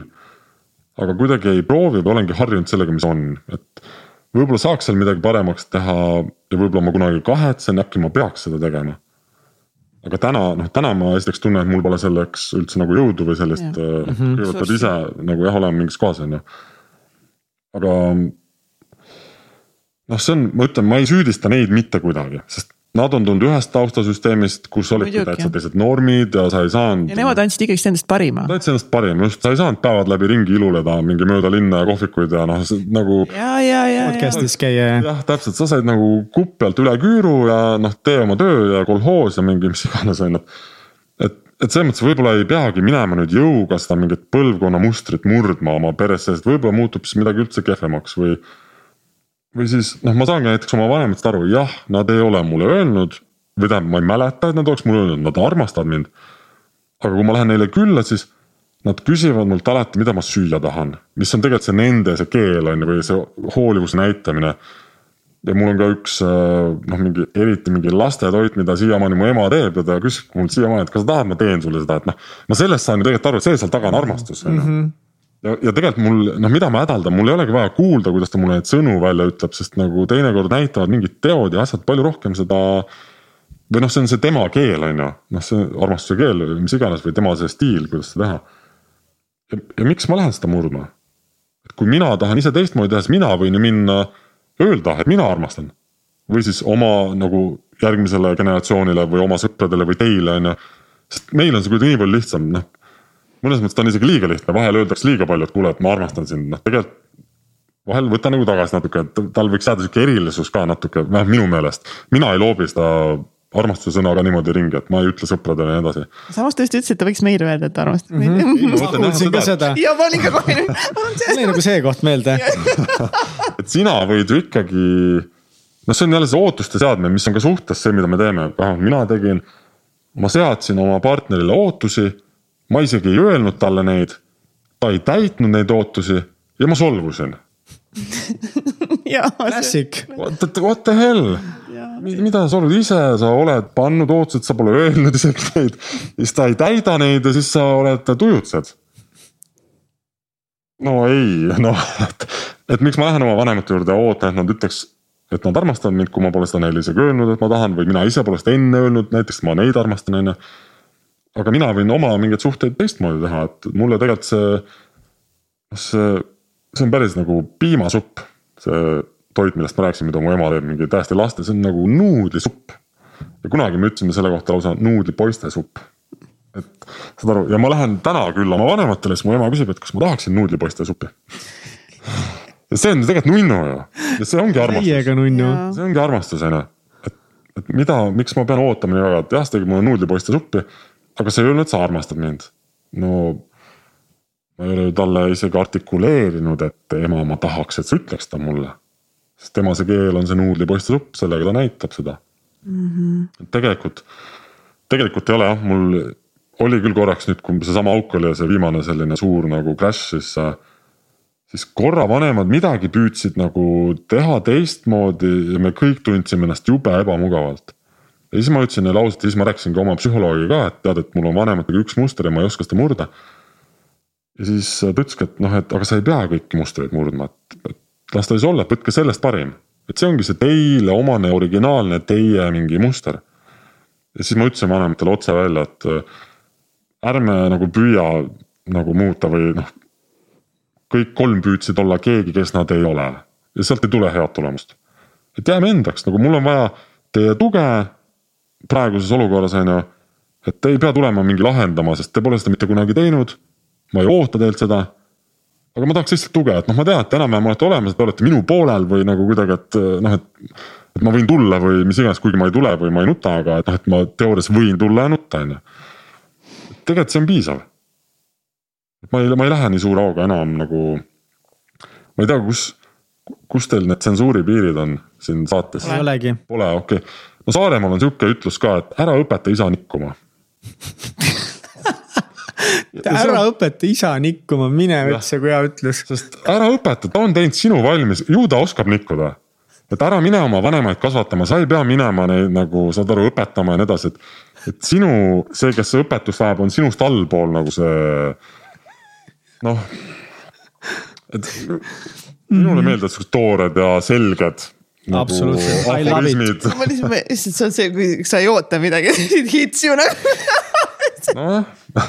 õpeta oma isa, okei okay et aga seal taga on noh. väga palju tõde. see on aus, see on lihtsalt aus. tõde seal taga jah, et ta võib kõlada võib-olla labaselt nii edasi, aga tegelikult, kui sa lased korra tal nagu settida, sa mõtled selle peale, siis seal taga on jumala tarkus, seal on jumala suur tarkus olemas mm. -hmm. et, et nii on noh, et jah, ta ilmselt oskab seda teha, kui sina oled olemas. Siis ta on vähemalt ühe korra seda teinud. jah, ja selles mõttes, et me ei pea üldse kedagi õpetama. no ei pea, aga hullult ju tahaks. mina aga... küll tahan, ma tahan niimoodi oma vanemaid kasvatada, ma viimasel ajal olen leppinud sellega, et ei pea kasvatama, aga mhm. varem retsilt kasvatada. lihtsalt mõttetu. ikka tahad ja, et nagu inimesed väljaspool muutuksid nagu aga me ei saa kedagi päästa, see on mul ka olnud nagu suur õppetund, me ei saa kedagi minna päästma. jah ja., ei saa. väga tahaks. See on minu muster olnud vist viimastes suhetes järjest. viimase kolme selle senioritaga mu elus on nagu see muster kand olnud ja ma olen olnud tahtnud, tahtnud täiega olla nagu see valge prints. kes mm. nüüd päästab ja näitab neile ja nagu, et milline. milline elu saab olla, milline suhe saab, saab olla ja kui ilus on ja milline saab olla armastus. miks sa oled seda tahtnud, kas sa tahad ka tagant seda imetlust siis ikkagi pälvida või, või mis? no vot, see on, ma arvan, see uus protsess, mis on mul nüüd tulemas. Et aru saada, miks ma seda tahan, ma ei. Mihkel läheb teraapiasse. ja, ka mina lähen mm. -hmm ma ei tea, vot see on, see on nagu asi, mis on praegu nagu väga tugevalt välja tulnud ja ma täpselt veel ei tea, miks see nii on miks ma olen nagu valinud sellised suhted endale, miks ma olen valinud nagu praegu mingisuguse mustri. ja miks võib-olla nagu see ei ole absoluutselt see, mida võib-olla need naised tegelikult nagu vajavad sellel hetkel, ma ei tea. I don't know. ma tahtsin just öelda sedasama asja, et tihti on nii, et sa lähed kedagi päästma, aga see inimene ei üldse võib-olla ei vaja selles aspektis päästmist, mida sa lähed sinna korraldama. väga võimalik jah. sa võib-olla noh, mingit asja kompenseerid, et ma ei taha enda muredega tegeleda, mul on lihtsam nagu noh, sinu paar asja korda ajada ja sulle aidata rattad ära vahetada autol siin kevadel ja sulle aidata toa ära värvida, on ju. kuigi tegelikult sul endal sees on nagu toad värvimata ja rattad vahetamata, on ju. Mhm. lihtsam minna sinna teise juurde ja teha nagu, teisele ära. Kui see, et endale asi korda teha mm. -hmm. ja, ja lõpuks me saame ikkagist ainult iseennast päästa. vasta mm, -hmm. jah nojah, lõpuks saad jah. Eesti on nagu selles mõttes toel ja abil ja kõik see on nagu loomulikult nagu mega tore, aga lõppkokkuvõttes ikkagist ma olen üksi, me oleme lõppkokkuvõttes, me oleme kõik üksi iseenda asjadega mm. -hmm. aga abi peab paluma. ja ma, ma olen nõus. jah ja mina olen ka nagu mind on ikkagi ka seesama noh, mis sa mainisid, see minu pime, pime talv ja kõik see, et seal väga suurt rolli mängisid Kats ja, ja Illimar ja Katu ja kõik muud sõbrad inimesed, kes olid mu ümber ja, ja näitasid lihtsalt natuke taskulambiga vahepeal niimoodi. täpselt lihtsalt nagu taskulambiga näitasid nagu. natuke nagu näitavad, nagu natuke nagu on, siis kaob jälle ära, vaata siis näitavad mm -hmm. jälle, et aa nagu natuke on, et nagu on midagi võimalik ja siis tõmbad jälle oma urge ära, vaata ma tahan siin urus mingi kassida ja mingi. ja siis on lõpus. aga see ongi ime, et sul on need inimesed ja noh, sa tead, nad on olemas ja nii edasi, et see on juba, juba see annab ju mingi jõu. see on nii suur kingitus mm, -hmm. see on nii suur kingitus, et nagu täna just äh, ühe sõbraga istusime kohvikus äh, ja siis äh, just, just ma olin mingi vau, et nagu me istume, et ma istun täna sinuga siin ja ongi, ma istun täna sinuga siin, Mart, on ju. et nagu kui äge, nagu millisteks inimesteks me oleme kasvanud et me saame nagu täna siin niimoodi istuda ja -hmm. nagu rääkida ja anda üksteisele nagu ongi nõus, me küsime, me jagame mingeid ärivärki, värki on ju. teeme mingeid koostöid, mõlemad mingi jaa, siis ta ütles, tead ma olin ju mingi hetk tagasi Soomes tellingutel tööl nagu. ma olin mingi jaa ja mina valasin tekiila šotte inimestele kõrist alla nagu baaris mm. -hmm. ja nüüd me oleme siin nagu, kui äge see on mm. -hmm. et nagu midagi on hästi tehtud ikka. noh, kindlasti on ja sinu, Mihkel, sellest mis sa just ka enne ütlesid, et mis kõlas läbi, sa ei öelnud nagu ainult mingeid meeste nimesid, et sul ei olnud mingi sihuke bromance kõrval või nagu meeste tugi. vaid hästi oluline, et sul on seal naisi. et minul noh, vaata ma ütlesin, mul on raske abi küsida, ma ei oskagi nagu ja noh, võib-olla ma siis lepingi selle kunagi. aga see naiste abi on täiesti teistsugune, et, et mehed on ikkagi, on rohkem siuksed. ma usun, et ma võin paljude eest rääkida, me oleme need lahendajad et kui sulle keegi ütleb, et tal on probleem, siis sa oled nii, et okei okay,, ma lahendan su ära, ma tean, mida teha või kus saab või noh, aga tegelikult mm. naine tihti nagu oskab lihtsalt kuulata, et sa noh, valad välja ja siis ta kuulab ja oligi abi, on ju. aga mehed enamasti on täiesti teistsugused, et kui, miks väga paljudel ka meeste ja naiste see dünaamika suhtes lähebki ka nagu kehvasti. et kui naine tuleb oma probleemiga noh, näiteks töölt õhtul koju on ju, siis tegelikult ta tahaks kuulamist, ta tahaks ärakuulamist aga keskmine mees on see, et ta võib-olla natuke kuulab ja siis ütleb ja, ja et noh, ma tean, kuule, aga tee seda teisiti või noh, aga su ülemus ongi tropp ja mingi. saad aru, ole vait, kuula, nagu kuula ära, sa ei pea kohe lahendama ja see naine tihti ei ootagi mingit lahendust sinu mm -hmm. käest. ta teab, et sa ei saagi tema ülemust lahendada või mingit, mis iganes X asja on ju. ta tahab seda ärakuulamist. noh, et kui sellest jälle aru saaks, on ju. Mhm. sa oled näiteks naisega paaris suhtes, et siis sa oskad teda kuulata et naine kannaks mingi lõtku, et ta saab aru, et, et sa võib-olla oledki rohkem lahendaja, et ta annaks sulle ka võib-olla andeks mõnikord neid asju, et sa tahaks nagu tormata lahendama. sest noh, meie mehed, noh, me oleme ikka full ahvid nagu, me oleme orangutangid, me. esiteks noh, me mõtleme oma ploomidega nagu enamus ajast on ju. me oleme mingid nagu noh, lollid, koledad, suured, mingid elukad ja siis sa nagu ei oskagi muud mingi uh, uh, noh, ma siis lahendan sulle ära, näita, kes tegi haiget, ma olen andnud talle molli. mis lahendus see on nagu? sealt ei tule midagi head. ja kui see naine suudab ka sihukese suhtumisega natuke olla, et ma saan aru, et mul on siin orangutang, kellega ma abielus olen, on ju. aga ta püüab parandada ja vahel ta ikkagi kuulab, noh siis tegelikult toimivad asjad mm. -hmm. ja, ja teistpidi ju samamoodi. jah, vahepeal peab lihtsalt kallistama naist mitte vahepeal, vaid tegelikult nagu päris, päris tihti jah, et. miks nagu jah, ikka tihti. jah, aga noh, jube ongi see, et sa tahad nagu hullult lahendada ja, ja võib-olla mõnikord, kui naine nagu sinu, noh, sa võtad ka süü endale kohe kuidagi. et kui naisel on paha tuju, mina vähemalt on selline, mina arvan, et noh, minu pärast, mina midagi tegin. ja siis on väga raske minna kallistama, sest sa nagu, sina tõlgendad tema mure võib-olla süüdistamiseks mm. -hmm mm.. keegi sul, kui sulle tundub, et keegi sind süüdistab, no mine kallista, näita mulle seda meest, kes ütleb nagu, et noh, ma suudan sind kallistada. tegelikult sa solvud juba ära kuskil põhjas ja tõmbad lukku, hakkad kaitsema ennast ja tõestama, minu full muster oli mu selles pikas suhtes nagu full teema, kogu aeg hakkasin kohe kaitsma ja tõestama ja nagu noh, nii, võtame faktid ette. vaatame süüdistused üle. Mhm. kallid äh, pealtvaatajad, kallis kohtunik, esitan tõendi number seitsekümmend kaheksa, miks ma ei ole süüdi selles. kõik nagu jah, et. ja oi, plee ja nagu te näete, siin äh, on ju ründaja vastaspool ainult saab kurjemaks, tõend viiskümmend kolm. miks ma ei ole süüdi ja no just see no, oi pläs ja see no kunagi ei toiminud hästi, ei lõppenud kunagi hästi. täpselt ja just see, mis praegu korra, kui sa, kui sa panid tähele, sa ütlesid nagu vastaspool mm. -hmm. et noh, kui su partner suhtes on tüli, siis noh, tegelikult ei tohiks olla nagu vastaspool, siis peaks olema ikkagi see. noh, et sa istud kõrvuti ja teil on mingi muu ühine vaenlane või, või midagi sellist, et mitte üksteise nagu see. noh, siis ongi juba, siis on juba pooled ja siis on väga lihtne minema sassi ja väga lihtne minema ka pekki on ju. Et nii noh muidugi noh, Essa, ma tõstan jälle käe püsti, kõva teoreetik. ma võin siin teooriat ajada ja öelda, kuidas käib, on ju. aga kui ma suudaks ise ka enda jutust kasvõi noh, kümme protsenti täita ja käituda, siis ma ise olen rahul. aga alati on ju lihtsamalt rääkida ja õpetada, et ähm, et ega ma ei ole mingi kuldne poiss küll. õpid kogu aeg õpid ja ikka saad vastu tätti ja ikka lähed kaitsma ennast tülis ja noh, kuigi tead, et noh, ei peaks ja nii edasi, aga. Ja, aga mina tahaks oota ikkagi kuidagi nagu need vastu molli saamised, nagu me saame nii palju lihtsalt vastu molli. ja, ja siis üks hetk sa saad vastu molli ja, ja see ei tee enam nii haiget sa saad, aga sa nagu, sa püsid nagu, sa, sa kukud, aga sa tõused nagu kiiremini püsti, sest sa oled nii palju vastu molli saanud jah, mis on hea, aga mis on ka halb. et mõnes mõttes paks nahk on ju halb, sest sul on mingid tunded tuimemad. aga mina ei nimetaks seda enam seda paksuks nahaks, vaid, äh, vaid nagu sa rääkisid ennem armidest on ju, et ongi nagu, kui meil teki-, lähemegi näiteks mingi rahku on ju, meil tekivad sellised nagu rämedad nagu haavad, on ju. aga siis sa lased nendel haavadel ära paraneda ja nendest saavad armid. ja siis armidega sa saad nagu kinda uhkustada mm. -hmm. et see ei ole nagu see paks nahk, vaid need on need armid.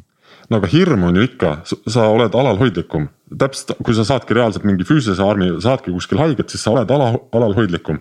ja see võib mõnes mõttes võtta ka mingit kirge ja mingit asja maha su järgmistes suhetes, sest noh, sa oled juhul, kui sa ei protsessi seda läbi, et no kui jah. sa nagu vot, et sa peadki nagu mm -hmm. ära protsess ima selle, laskma selle päriselt ära paraneda, ise paraneda mm. -hmm. sest siis pärast seda sa lähed ainult targemana ja võimsamana ja uhkemana sinna jah, ja kui tulevadki need, et ma ei julgegi alguses olla nagu võib-olla uues, uues nagu suhtes ja siis ongi seal nagu nendes kohtades siis ka nagu läbi minna, on ju. et, et aga noh, mina kuidagi täiega usun seda, et need kuidagi lähevad mm, -hmm. ju mina ka, ma olen täiega katsiga samas paadis mm. -hmm. et need teevad meid ainult ilusamaks ja targemaks ja sügavamaks ja. ei teevadki, noh peaasi, et ei tekiks seda nagu noh, vaata ükskõiksust või umbes nii, et. ja, ja, ja. noh, nagunii, ma ei tea, kõik mehed on emmid, no noh, ei ole ju, et sa ikkagi no seal on väga suur valu veel, kui sa ütled kõik. mis on, no sa oled ikka väga omadega. just, et. see haav on veel, see ei ole ära paranenud. see ei ole mingi ja see on toores lihtsalt mingi verd voolab nagu. paistab veel jah, veri ja liha on et jah mm -hmm et jah, tasub eneseanalüüsi teha, et kuidas sa kellegist räägid, mida sa ütled, on ju, mida sa mõtled, et see on nagu nii palju peegeldab nagu sinu enda seisu. Ja, ja täiega kindlasti, just seesama ka, et noh, kui sa arvadki, kasvõi näide lihtsalt liiklusest on ju, et kui keegi sind, ma ei tea, ära kattib või vahele lõikab. noh, sa muutud vihaseks ja sa arvad, et ta tegi seda meelega, kui sa oled ise vihane, on ju. aga mina olen kedagi ära kattinud täiesti kogemata nagu ausalt ja siis ma eeldan, et tagumine saab aru, sest ma tegin ju kogemata. ta ei saa ju aru, tema tõlgendab ju seda olukorda täpselt nagu enda sellest mättast, et noh mm -hmm., mina olen M, sest ma lõikasin ta ära kuskilt. Et noh, nii, noh nii paljud siuksed asjad, elulised asjad, et sa teed järeldused ikkagi enda põhjalt. sinu inforuum on ju need pildid, mis sulle on antud või sinu noh, seesama, et sul on kellelegi ootused, ta ei täida neid ja siis sa solvud, kui ta ei täida ja sa pole öelnud ka, et sul on need ootused, no mida sa solvud siis, et noh, siis õpi kommunikeerima on ju. Mm, nõus teiega jah. Enda, enda pealt muidugi vaatad kõike teed jah mm. -hmm. millest, millest sa täna unistad?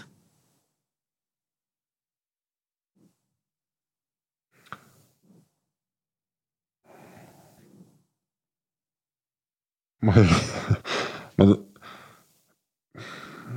hea, heast tujust ja naermisest. see on see, millest ma tunnen puudust, mida ma päriselt tahan, et oleks, oleks nagu palju rohkem. mul ei ole, mul ei ole materiaalseid unistusi, see on võib-olla halb, et siis puudub mingi pingutamise motivaator või mis iganes. mina, minul on see pigem hea. ma olen teinud ka enda vaimset harjutust täiesti jälle niisama kui mul oleks näiteks keegi annaks mulle kümme tuhat eurot või suvaline number on ju, viis tuhat eurot ja ütleb, et ma ei tohi seda investeerida. et ma pean selle eest endale midagi ostma mm. -hmm. ma ei oskaks teha viie tonniga mitte midagi. ma ei oskaks minna mitte midagi ostma, mul pole mitte midagi puudu aa ah, nagu astus, aga kas seal oleks ka see nagu, et kas ei või mingi seiklema minna või, või peaksid just ostma midagi? ei noh, ilmselt ma lähekski reisile jah, sest see on selline mm -hmm. jah, aga, aga noh, et ma ei. mul ei sügele, et minna iga nädalavahetus Ülemistesse ja hakata nagu kokku kraapima erinevatest poodidest erinevaid asju, et see on. Tõesti, et see, see unistuse osa ma, see on muutunud küll võib-olla rohkem siukseks meeleliseks või. tunda, kuidas sa tahad tunda ennast, on ju. jah, et ma tahan tunda nii, et, et ma, ma olen hull muretseja, mu miinus on äh, näiteks liiga palju homses elamine. et ma, ma mõtlen alati järgmist asja ette. noh, täna ma tegin endale nagu ideaalse päevaplaani, mul oli täna kalendri järgi väga tore päev, väga paljudes kohtades ma juba muretsesin homse pärast mm.. et oma homsed asjad, mis ma pean nagu ära tegema. Mm.. et ma tahaks sellist rohkem ühe koha peal olemise oskuse nagu mõnu ja sellist rõõmu, lihtsalt mingi mingit kergust, aga see unistus on jälle, kui sa küsid aasta pärast, see on kindlasti midagi muud, et täna ta on seetõttu selline, et on olnud väga vastik nagu periood, on ju. ja siis sa tahadki, et, et mingid asjad oleks paigas, terved, rahulikud, rõõmsad, ilusad. et see lähtub noh, oleneb hetkest, millal sa küsid, on ju, et täna mul on need asjad, ma tahaks rõõmu rohkem sellist ähm, mm ilus. sest mõnu, mõnu nagu mõnu., aga just nagu vaimset mõnu ma räägin, et, et mitte, mitte füüsilist, seda ma ei otsi, see ei ole praegu. aga jah, selline mm, meelelaad ja olek. mis sa teed selleks? tead, üks asi, mida ma enne mainisin näiteks põgusalt, et, et oma kalendrit ja päevi ma sisustan nagu väga ettevaatlikult. et, et mul oligi täna näiteks viis erinevat klotsi mu kalendris, mida ma teen. hommikul natukene nagu töö mõttes ühe kinnisvara vaatamine. siis ma läksin trenni. siis ma sain kokku ühe tuttavaga, kellele ma sain olla õlg, sest tal oli mingi väga kehv olukord. siis oli mul veel üks ah,, miks me lükkasime seda natuke hilisemaks, üks sihuke perekondlik nagu asi. ja siis see tänane õhtune siin, mis me praegu teeme see on sada protsenti minu valitud tegevused ja elu ja ma olen need kõik niimoodi pannud, et ma tahan neid asju teha. et see on, see on, no see on kõige suurem väärtus päriselt. ja see ei ole nii, et selle tagab kindlasti investeerimine või töölt äratulek. selle võib tagada sinul see balance, selle võib sinul tagada näiteks uus suhe või noh, suvest näite praegu on ju et jälle ei ole see autentne üks tõde, mida mina ütlen, et investeerige, sest siis teil tuleb see ka hea tunne mm.. minul lihtsalt ma olen märganud, et see kalendri asjadesse ise valimine, see on, see on ülisuur privileeg. täiega on, ma olen nii nõus sinuga, see on nii äge. see on ja muidugi mul on seal vahel asju, mis ei meeldi, mis tuleb teha, aga see on ka okei okay., see on täiesti okei okay,, sest enamus on asjad, mis mulle meeldivad mm.. aga nüüd sinna unistuste juurde tagasi tulla, et ma tahaks rohkem siin täna ma praegu näiteks tunnen, ma olen täiesti kohal, ma ei mõtle selle, mis saab poole tunni pärast. et see on täiesti ja oma trennis ka, ma olen nagu täiesti ühe koha peal. aga mingites muudes asjades tihti läheb ikkagi nagu rändama see, et mis on järgmine asi, ma olen juba järgmises asjas mm. -hmm. mis on, mida mina tahaks teha ise paremini, nagu endas parandada. olla hetkes. jah, et, et nüüd on see kokkulepe, siis ma olengi siin. aga ma juba natuke mõnes kohas olen nii, et ma olen juba järgmises asjas nagu mõtlen sinna, kuidas ma jõuan, mis ma teen, mis me seal ja. oleme. ehk siis, ehk siis tegelikult, kui me noh, kõik mina sama, sama, samal teekonnal, et siis mitte kunagi tegelikult päriselt ei ole kohalik, me ei koge seda hetke siin mm. -hmm. samas, kui me kogu aeg oleme juba kuskil mujal, siis me elamegi kogu aeg seda elu ju niimoodi mm. -hmm. sest mis meil praegu kogu aeg ongi, ainult praegu on hetk täna siin ja siis sa istud autos, siis sa oled autos, siis sul on see hetk ja kunagi ei tule, seda homset päeva ei eksisteeri nagu. seda ju pole olemas kus see on, seda ei eksisteeri nagu. see on lihtsalt nagu, ma ka täiega olen trippinud seda trippi nagu mingi fuck kaits, tule kohale siia hetke, kus sa oled nagu, kus sa oled, tule kohale mm. -hmm ja nagu harjud lihtsalt nagu raiungi enda nagu tule kohale, tule kohale. aga seda raiudes mm -hmm. lõpuks hakkadki märkama, sest noh, sa ikkagi, sa märkad ju neid asju, kuhu suunad tähelepanu, see on. ja just, just, just, just. see on nagu näiteks täna öeldakse, et noh, kõik investeerivad. ma võin öelda, et ei ma võin öelda, et üliväike osa näiteks eestlasi investeerib, ülivähestel on mingi väärtpaberikonto või mingid investeeringud või noh, kes päriselt investeerib, mitte et ta ei ostnud ükskord mingi Saku õletäis aktsiaid kolmkümmend aastat tagasi, nüüd on, on ju. isegi neid on väga vähe. isegi ka neid on väga vähe, et lihtsalt see, mida sa märkad, et kui noh, ma ei tea, kui sa hakkad mängima näiteks äh, mingit noh, mingit väga imelikku sporti tegema, ma ei, ma ei tea, mis võiks olla väga imelik asi. Mis me rääkisime, kuulitõuge või? nojah, ütleme näiteks, sa hakkad tegelema kuulitõukega on ju ja küll kõik kuulitõukajatest fännid praegu loobuvad meist, noh. ei, nad tegelikult ei loobu, aga kas te teate kedagi, kes tegeleb kuulitõukega? ei tea. ei tea, mina ka ei tea. nüüd, kui sa hakkad tegelema kuulitõukega, siis sa hakkad trennis käima, sa näed, et on veel mingid vennad on ju, siis sa lähed näiteks mingile Hannoveris toimuvale kuulitõukemessile. ja sa vaatad, et seal on nagu tuhanded inimesed ja siis sa mõtledki, kurat, kõik tõukavad kuuli tegelikult ei, tegelikult sa läksid ühte mingisse väiksesse ringkonda sisse, sa hakkad rohkem opereerima selles maailmas ja seetõttu sulle tundub, et mulle nagu noh, jah, räägitakse rohkem investeerimisest, aga see on tegelikult üks väike punt, kes räägib mm.. et see on tegelikult ikkagi nii väike. miks ma seda juttu praegu rääkisin? No. kus sa oma tähelepanu paned, jah just, mm -hmm. jah see fookus jah, et olla seal kohapeal, vot see oli see koht jah, et kohapeal nagu olla. Et sa hakkadki ütlema, et näed mingi noh, kasvõi lööd nagu, et noh, ma olen siin nüüd praegu teiega, on ju, olegi nüüd kohal, nüüd on jumala äge. ja see läheb nii tihti meelest ära, sest kui sa näiteks autos sõidad, siis sa, inimene mõtleb äh, sihtkoha peale. kui sa kuhugi sõidad, siis sa mõtled selle peale, kuhu sa sõidad mm. -hmm. sa ei mõtle selle peale, et sa sõidad mm. -hmm. ja noh, see ongi juba jälle see saladus on ju, et, et sa oled juba nagu, juba mingis järgmises ajahetkes, mida tegelikult veel ei ole. ja siis sa selles praeguses ei olegi ja kui sa oled juba kuskil näiteks peol kohal, siis noh tihti sa mõtledki, millal ära minna. kuidas ma ära lähen või mis ma homme teen, kas ma võtan veel ühe koksi, kuidas mul homme hommikul on olla, on ju. et jälle sa oled juba natukene nagu sealt peolt ära, noh nagu mentaalses mõttes, kuigi su keha on võib-olla seal peol on ju. Mm. üli, üliimelik täiega nii Mihkel, kas sul on veel siia lõppu, tahad oma mingeid investeerimisküsimusi veel äh, küsida, mingeid? ebavajalikku mingit. no mingit täiesti nagu noh. raha või mingi mis. ja et nagu mingi jah, materiaalsus, mingi värk-särki mm. nagu oi, mul on nii palju asju, aga mõnes mõttes nagu võib-olla soovitaks täiega inimestel nagu sinu blogi just tõesti lugeda, et ähm,. et vaata, miks, et mul mul on see lihtsalt see teema kuidagi hästi nagu südamelähedane, sest nagu noh, sa oled nii hea näide ja neid on ju veel, et.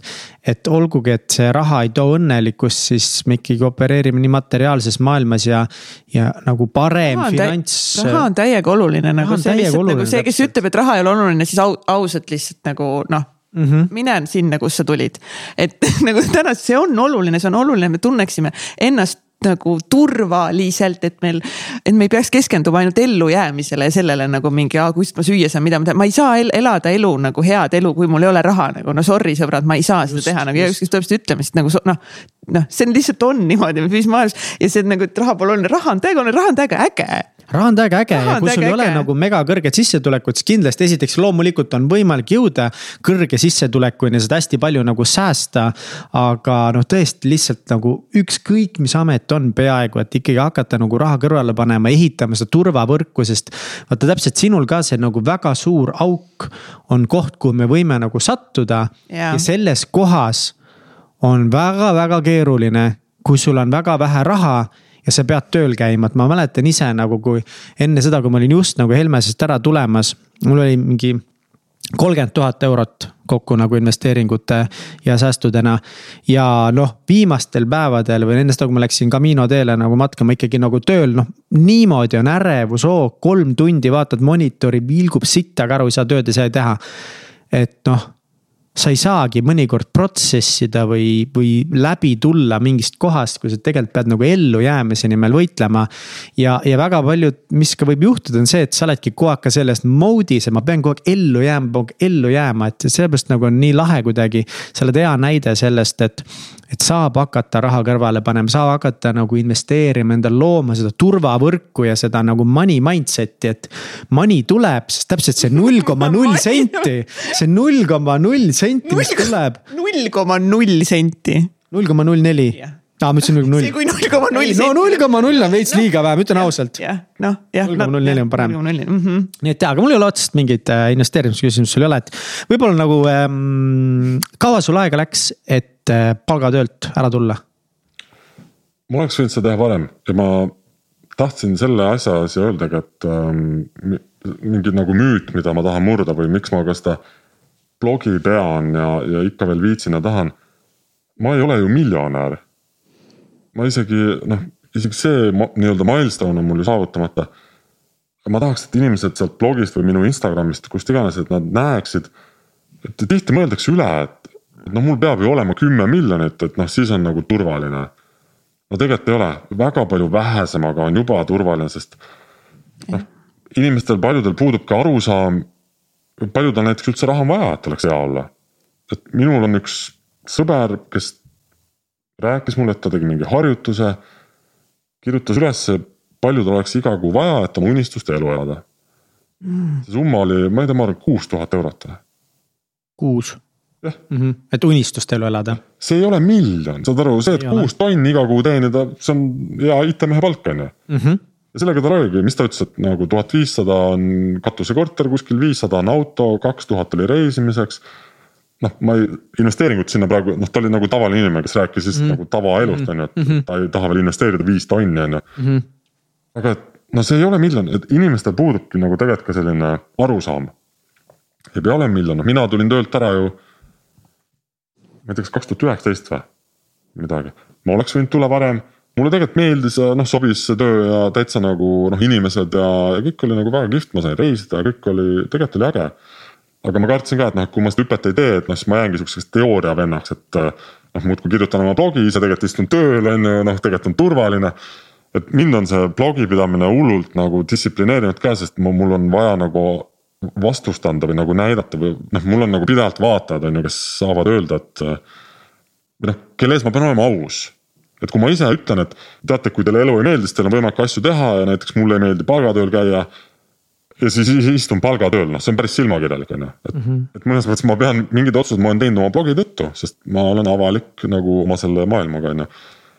aga väga palju varem algab see ja juba tihti on see vaimne rahulolu, näiteks, et kui sa kogud oma esimesed, kui sul oli kolmkümmend tuhat kontol. noh, esiteks on muidugi päris palju, aga sul ju oli mingi sihuke stress maas, et sa tead näiteks, et noh, kui midagi juhtub, siis no kuule, ma elan ära nagu rahulikult. ma tulingi töölt ära sellepärast. Caminosse minna, noh kõike nagu teha, on ju see oli kolmkümmend tuhat, see ei olnud miljon ega kümme miljonit. et need tegelikult need levelid on palju madalamad ja palju lihtsas, lihtsamini kättesaadavad. lihtsalt see, see järjepidevus, et kui mina ütlen, mind motiveeris see esimesed noh, need igahommikused need null koma null neli senti ja ka see aasta peale see null koma üheksakümmend viis eurot, noh. alla euro teenisin aastas investeeringutega. no ei ole koolitaja materjal, on ju aga kuna ma jätkasin sellega, siis järgmine aasta oli ju minu panus pluss selle null koma üheksakümne viie euro panus, on ju. Ja ma teenisin juba rohkem. järgmine aasta jälle minu panus pluss juba veel suurem kogus nagu seda investeerimisraha. higivaba pappi. higivaba pappi, täpselt, et et see on noh, sa ei, sina jõuad töötada mingi X arvu tunde päevas ja kuus on ju, noh tegelikult mm -hmm. nagu raha on kogu aeg töötav ja see on minu, minu meelest hästi imeline kontseptsioon tegelikult ja ma ei ütle, ma ei preach'i seda, tulge töölt ära ja kõik mingi saatke oma ülemused B-sse ja mingi YOLO ja nii edasi, on ju, et. Ei, kuna minul ei ole seda asja, mida ma olen väga teha tahtnud ja seda tööd, siis mina tahtsin töölt ära tulla. kui sul on see töö või su ettevõte, siis no jumala eest, anna minna sinna, see on ideaalne, mina olen siis kade. aga mul seda lihtsalt ei olnud. aga nii palju vähem on vaja jah, et, et ma ju kirjutan tavaliste inimeste blogi ja esimesest päevast peale nullist eurost ju ma ei ilmunud välja siis, kui mul oli järsku kokku kogutud viissada tuhat või kakssada tuhat või midagi sihukest. et ma ise ka, ma tean, et kui ma kedagi, kellegi kohta loen või kuulan, siis. Ma tahan kuulda tema neid raskeid aastaid, neid algusaastaid, et kuidas sa seal tegid, on ju. noh, kuidas sa suutsid või mis sind motiveeris või kuidas sa viitsisid. mul on vähe kasu, kui, kui ma lähen täna kuulama loengut, kus räägib, noh, ma ei tea, no Jeff Bezos on ju. noh, mida ma kuulan, sul on Amazon. ma ei saa mitte kunagi Amazoni, on ju ma tahan täna parem kuulata no kasvõi sind, Mihkel on ju, et, et sa oled mingi paari äriga võib-olla kõrbenud või, või mingeid pivoteid teinud või oled nagu töölt ära tulnud ja läbi põlenud. mul on sinust rohkem kasu, sest ma suhestun sinuga yeah.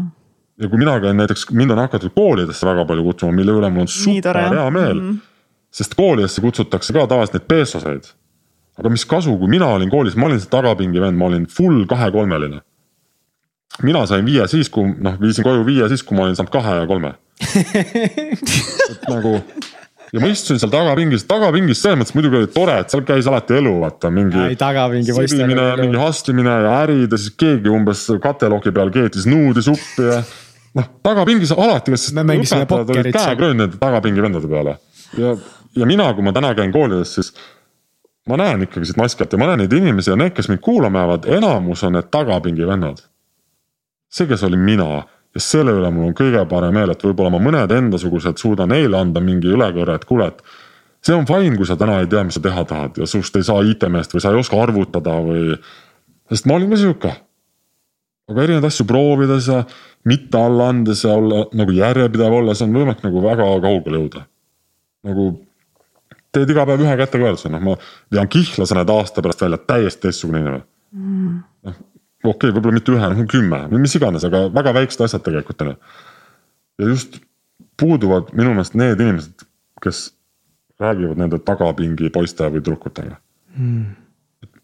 meil ei ole kasu sellest, kui sa lähed kooli ja motiveerid neid viiealisi. Nad on nagunii tublid yeah.. Nad on nagunii motiveeritud, teavad, kes tahab minna edasi arsti õppima ja nii edasi. koolidesse on vaja minna rääkima nende tagapingi nuudlisupi poistega. Neid on, neil on vaja mingit õnge või abi või mingit näidet, et saab hakkama, et on võimalik, on ju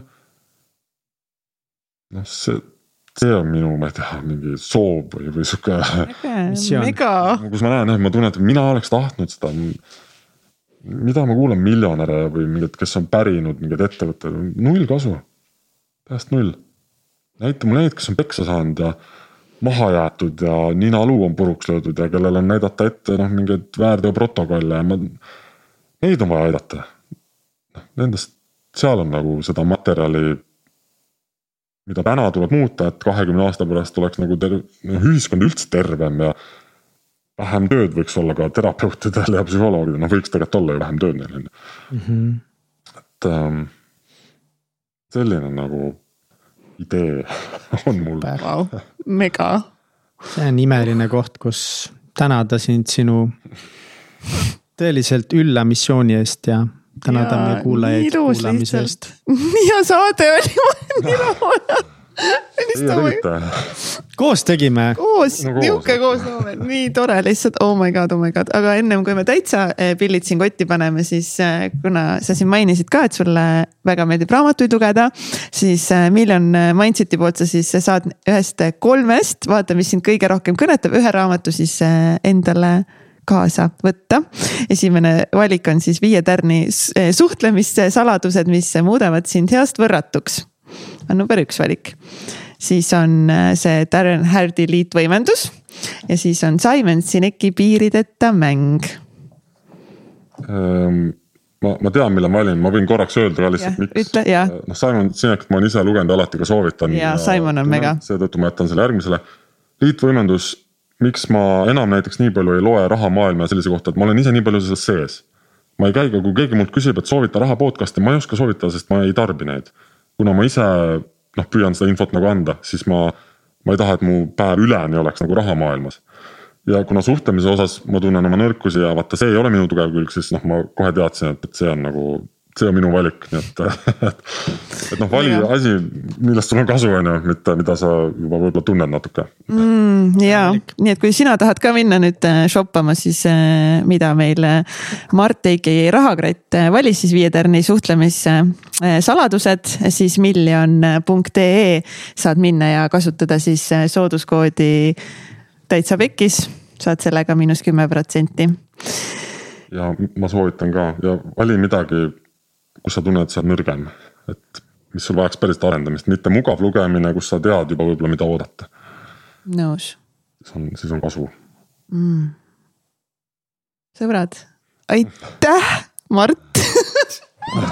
Aitäh, Vaino Vello. Vello, sorry. Vello oli palju, Vello oli alles, kuradi Vello oleks võinud alguses tulla, aga nüüd Forever nagu on Mart nagu tõesti. mina nagu... nimetasin juba Velloks ümber oma, ei Vainoks. aga tänapäeval on hästi populaarne ka panna vaata kaks nime. jah, liitnimed nagu. Mart Vello või? Vello Mart. Vello Mart, Vello Mart.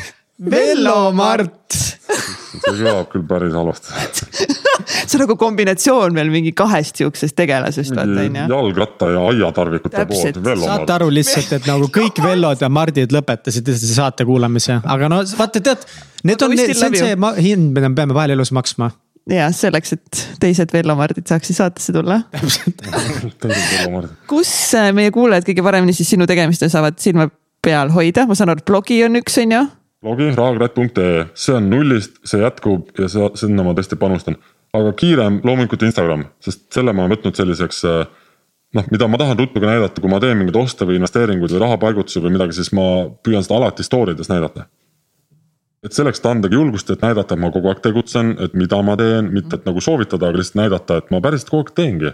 ja see on lihtne ja see on nagu, sul on vaja põhimõtteliselt järjepidevust, nii et äh, ma arvan, et rohkem kanaleid, kuna ma teen kõike üksi, mida ma teen, ma ei suudaks ka võib-olla veel lisakanaleid panna, et jumala piisav on blogi, kus saab pikemalt lugeda. ja noh, Instagram võib-olla on meelelahutuslikum, et. Äh, ja, ja see, aga see ongi täiega äge just, et ta ongi meelelahutuslik, sest et sellest fun'i ja, ja see ongi nii naljakas ja lihtsalt nii tore lihtsalt nagu. noh, et see kõik ei pea olema nii tõsine, mingi rahamaailm, mingi investeerime, säästame, on ju.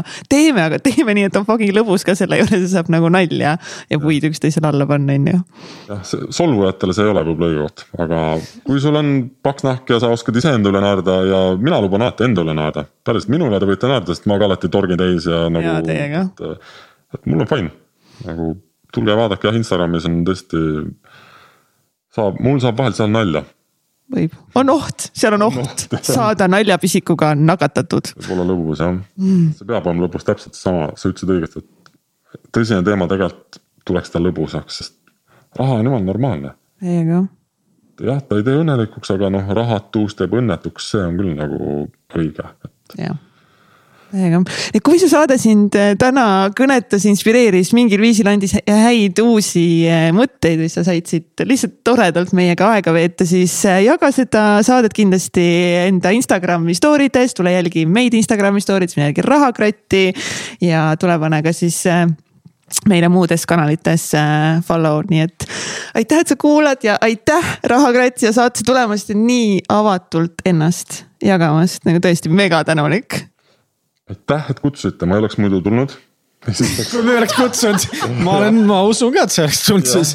ja päris osavalt muukisite ka, et see, need, kes kuulavad, nendele ma ütlen selles mõttes aitäh, et kui keegi on nüüd kulutanud ära, ma ei tea, kaua me istusime või kaua see saade on pärast. kaks pool. Et kui sa võtad oma aja, et meid ära kuulata, siis ma väga loodan, et, et, et siit inimesed said midagi, sest me võtame kellegi aega, arvame, et me aitame neid.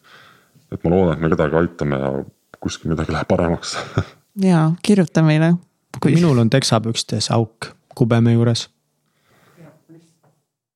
Telefonist lõpetas salvestamise, mis on auk on kus kohas? teksapükstes kubeme juures no sa surkisid midagi, ma vaatasin. ja ma vaatan, ma avastasin keset saadet, et mul on teksapükstes suur auk ja siis ma olen seda nagu vahepeal nagu inspekteerinud, et kui suur ta on ja kindlasti olen ta vahepeal suuremaks teinud.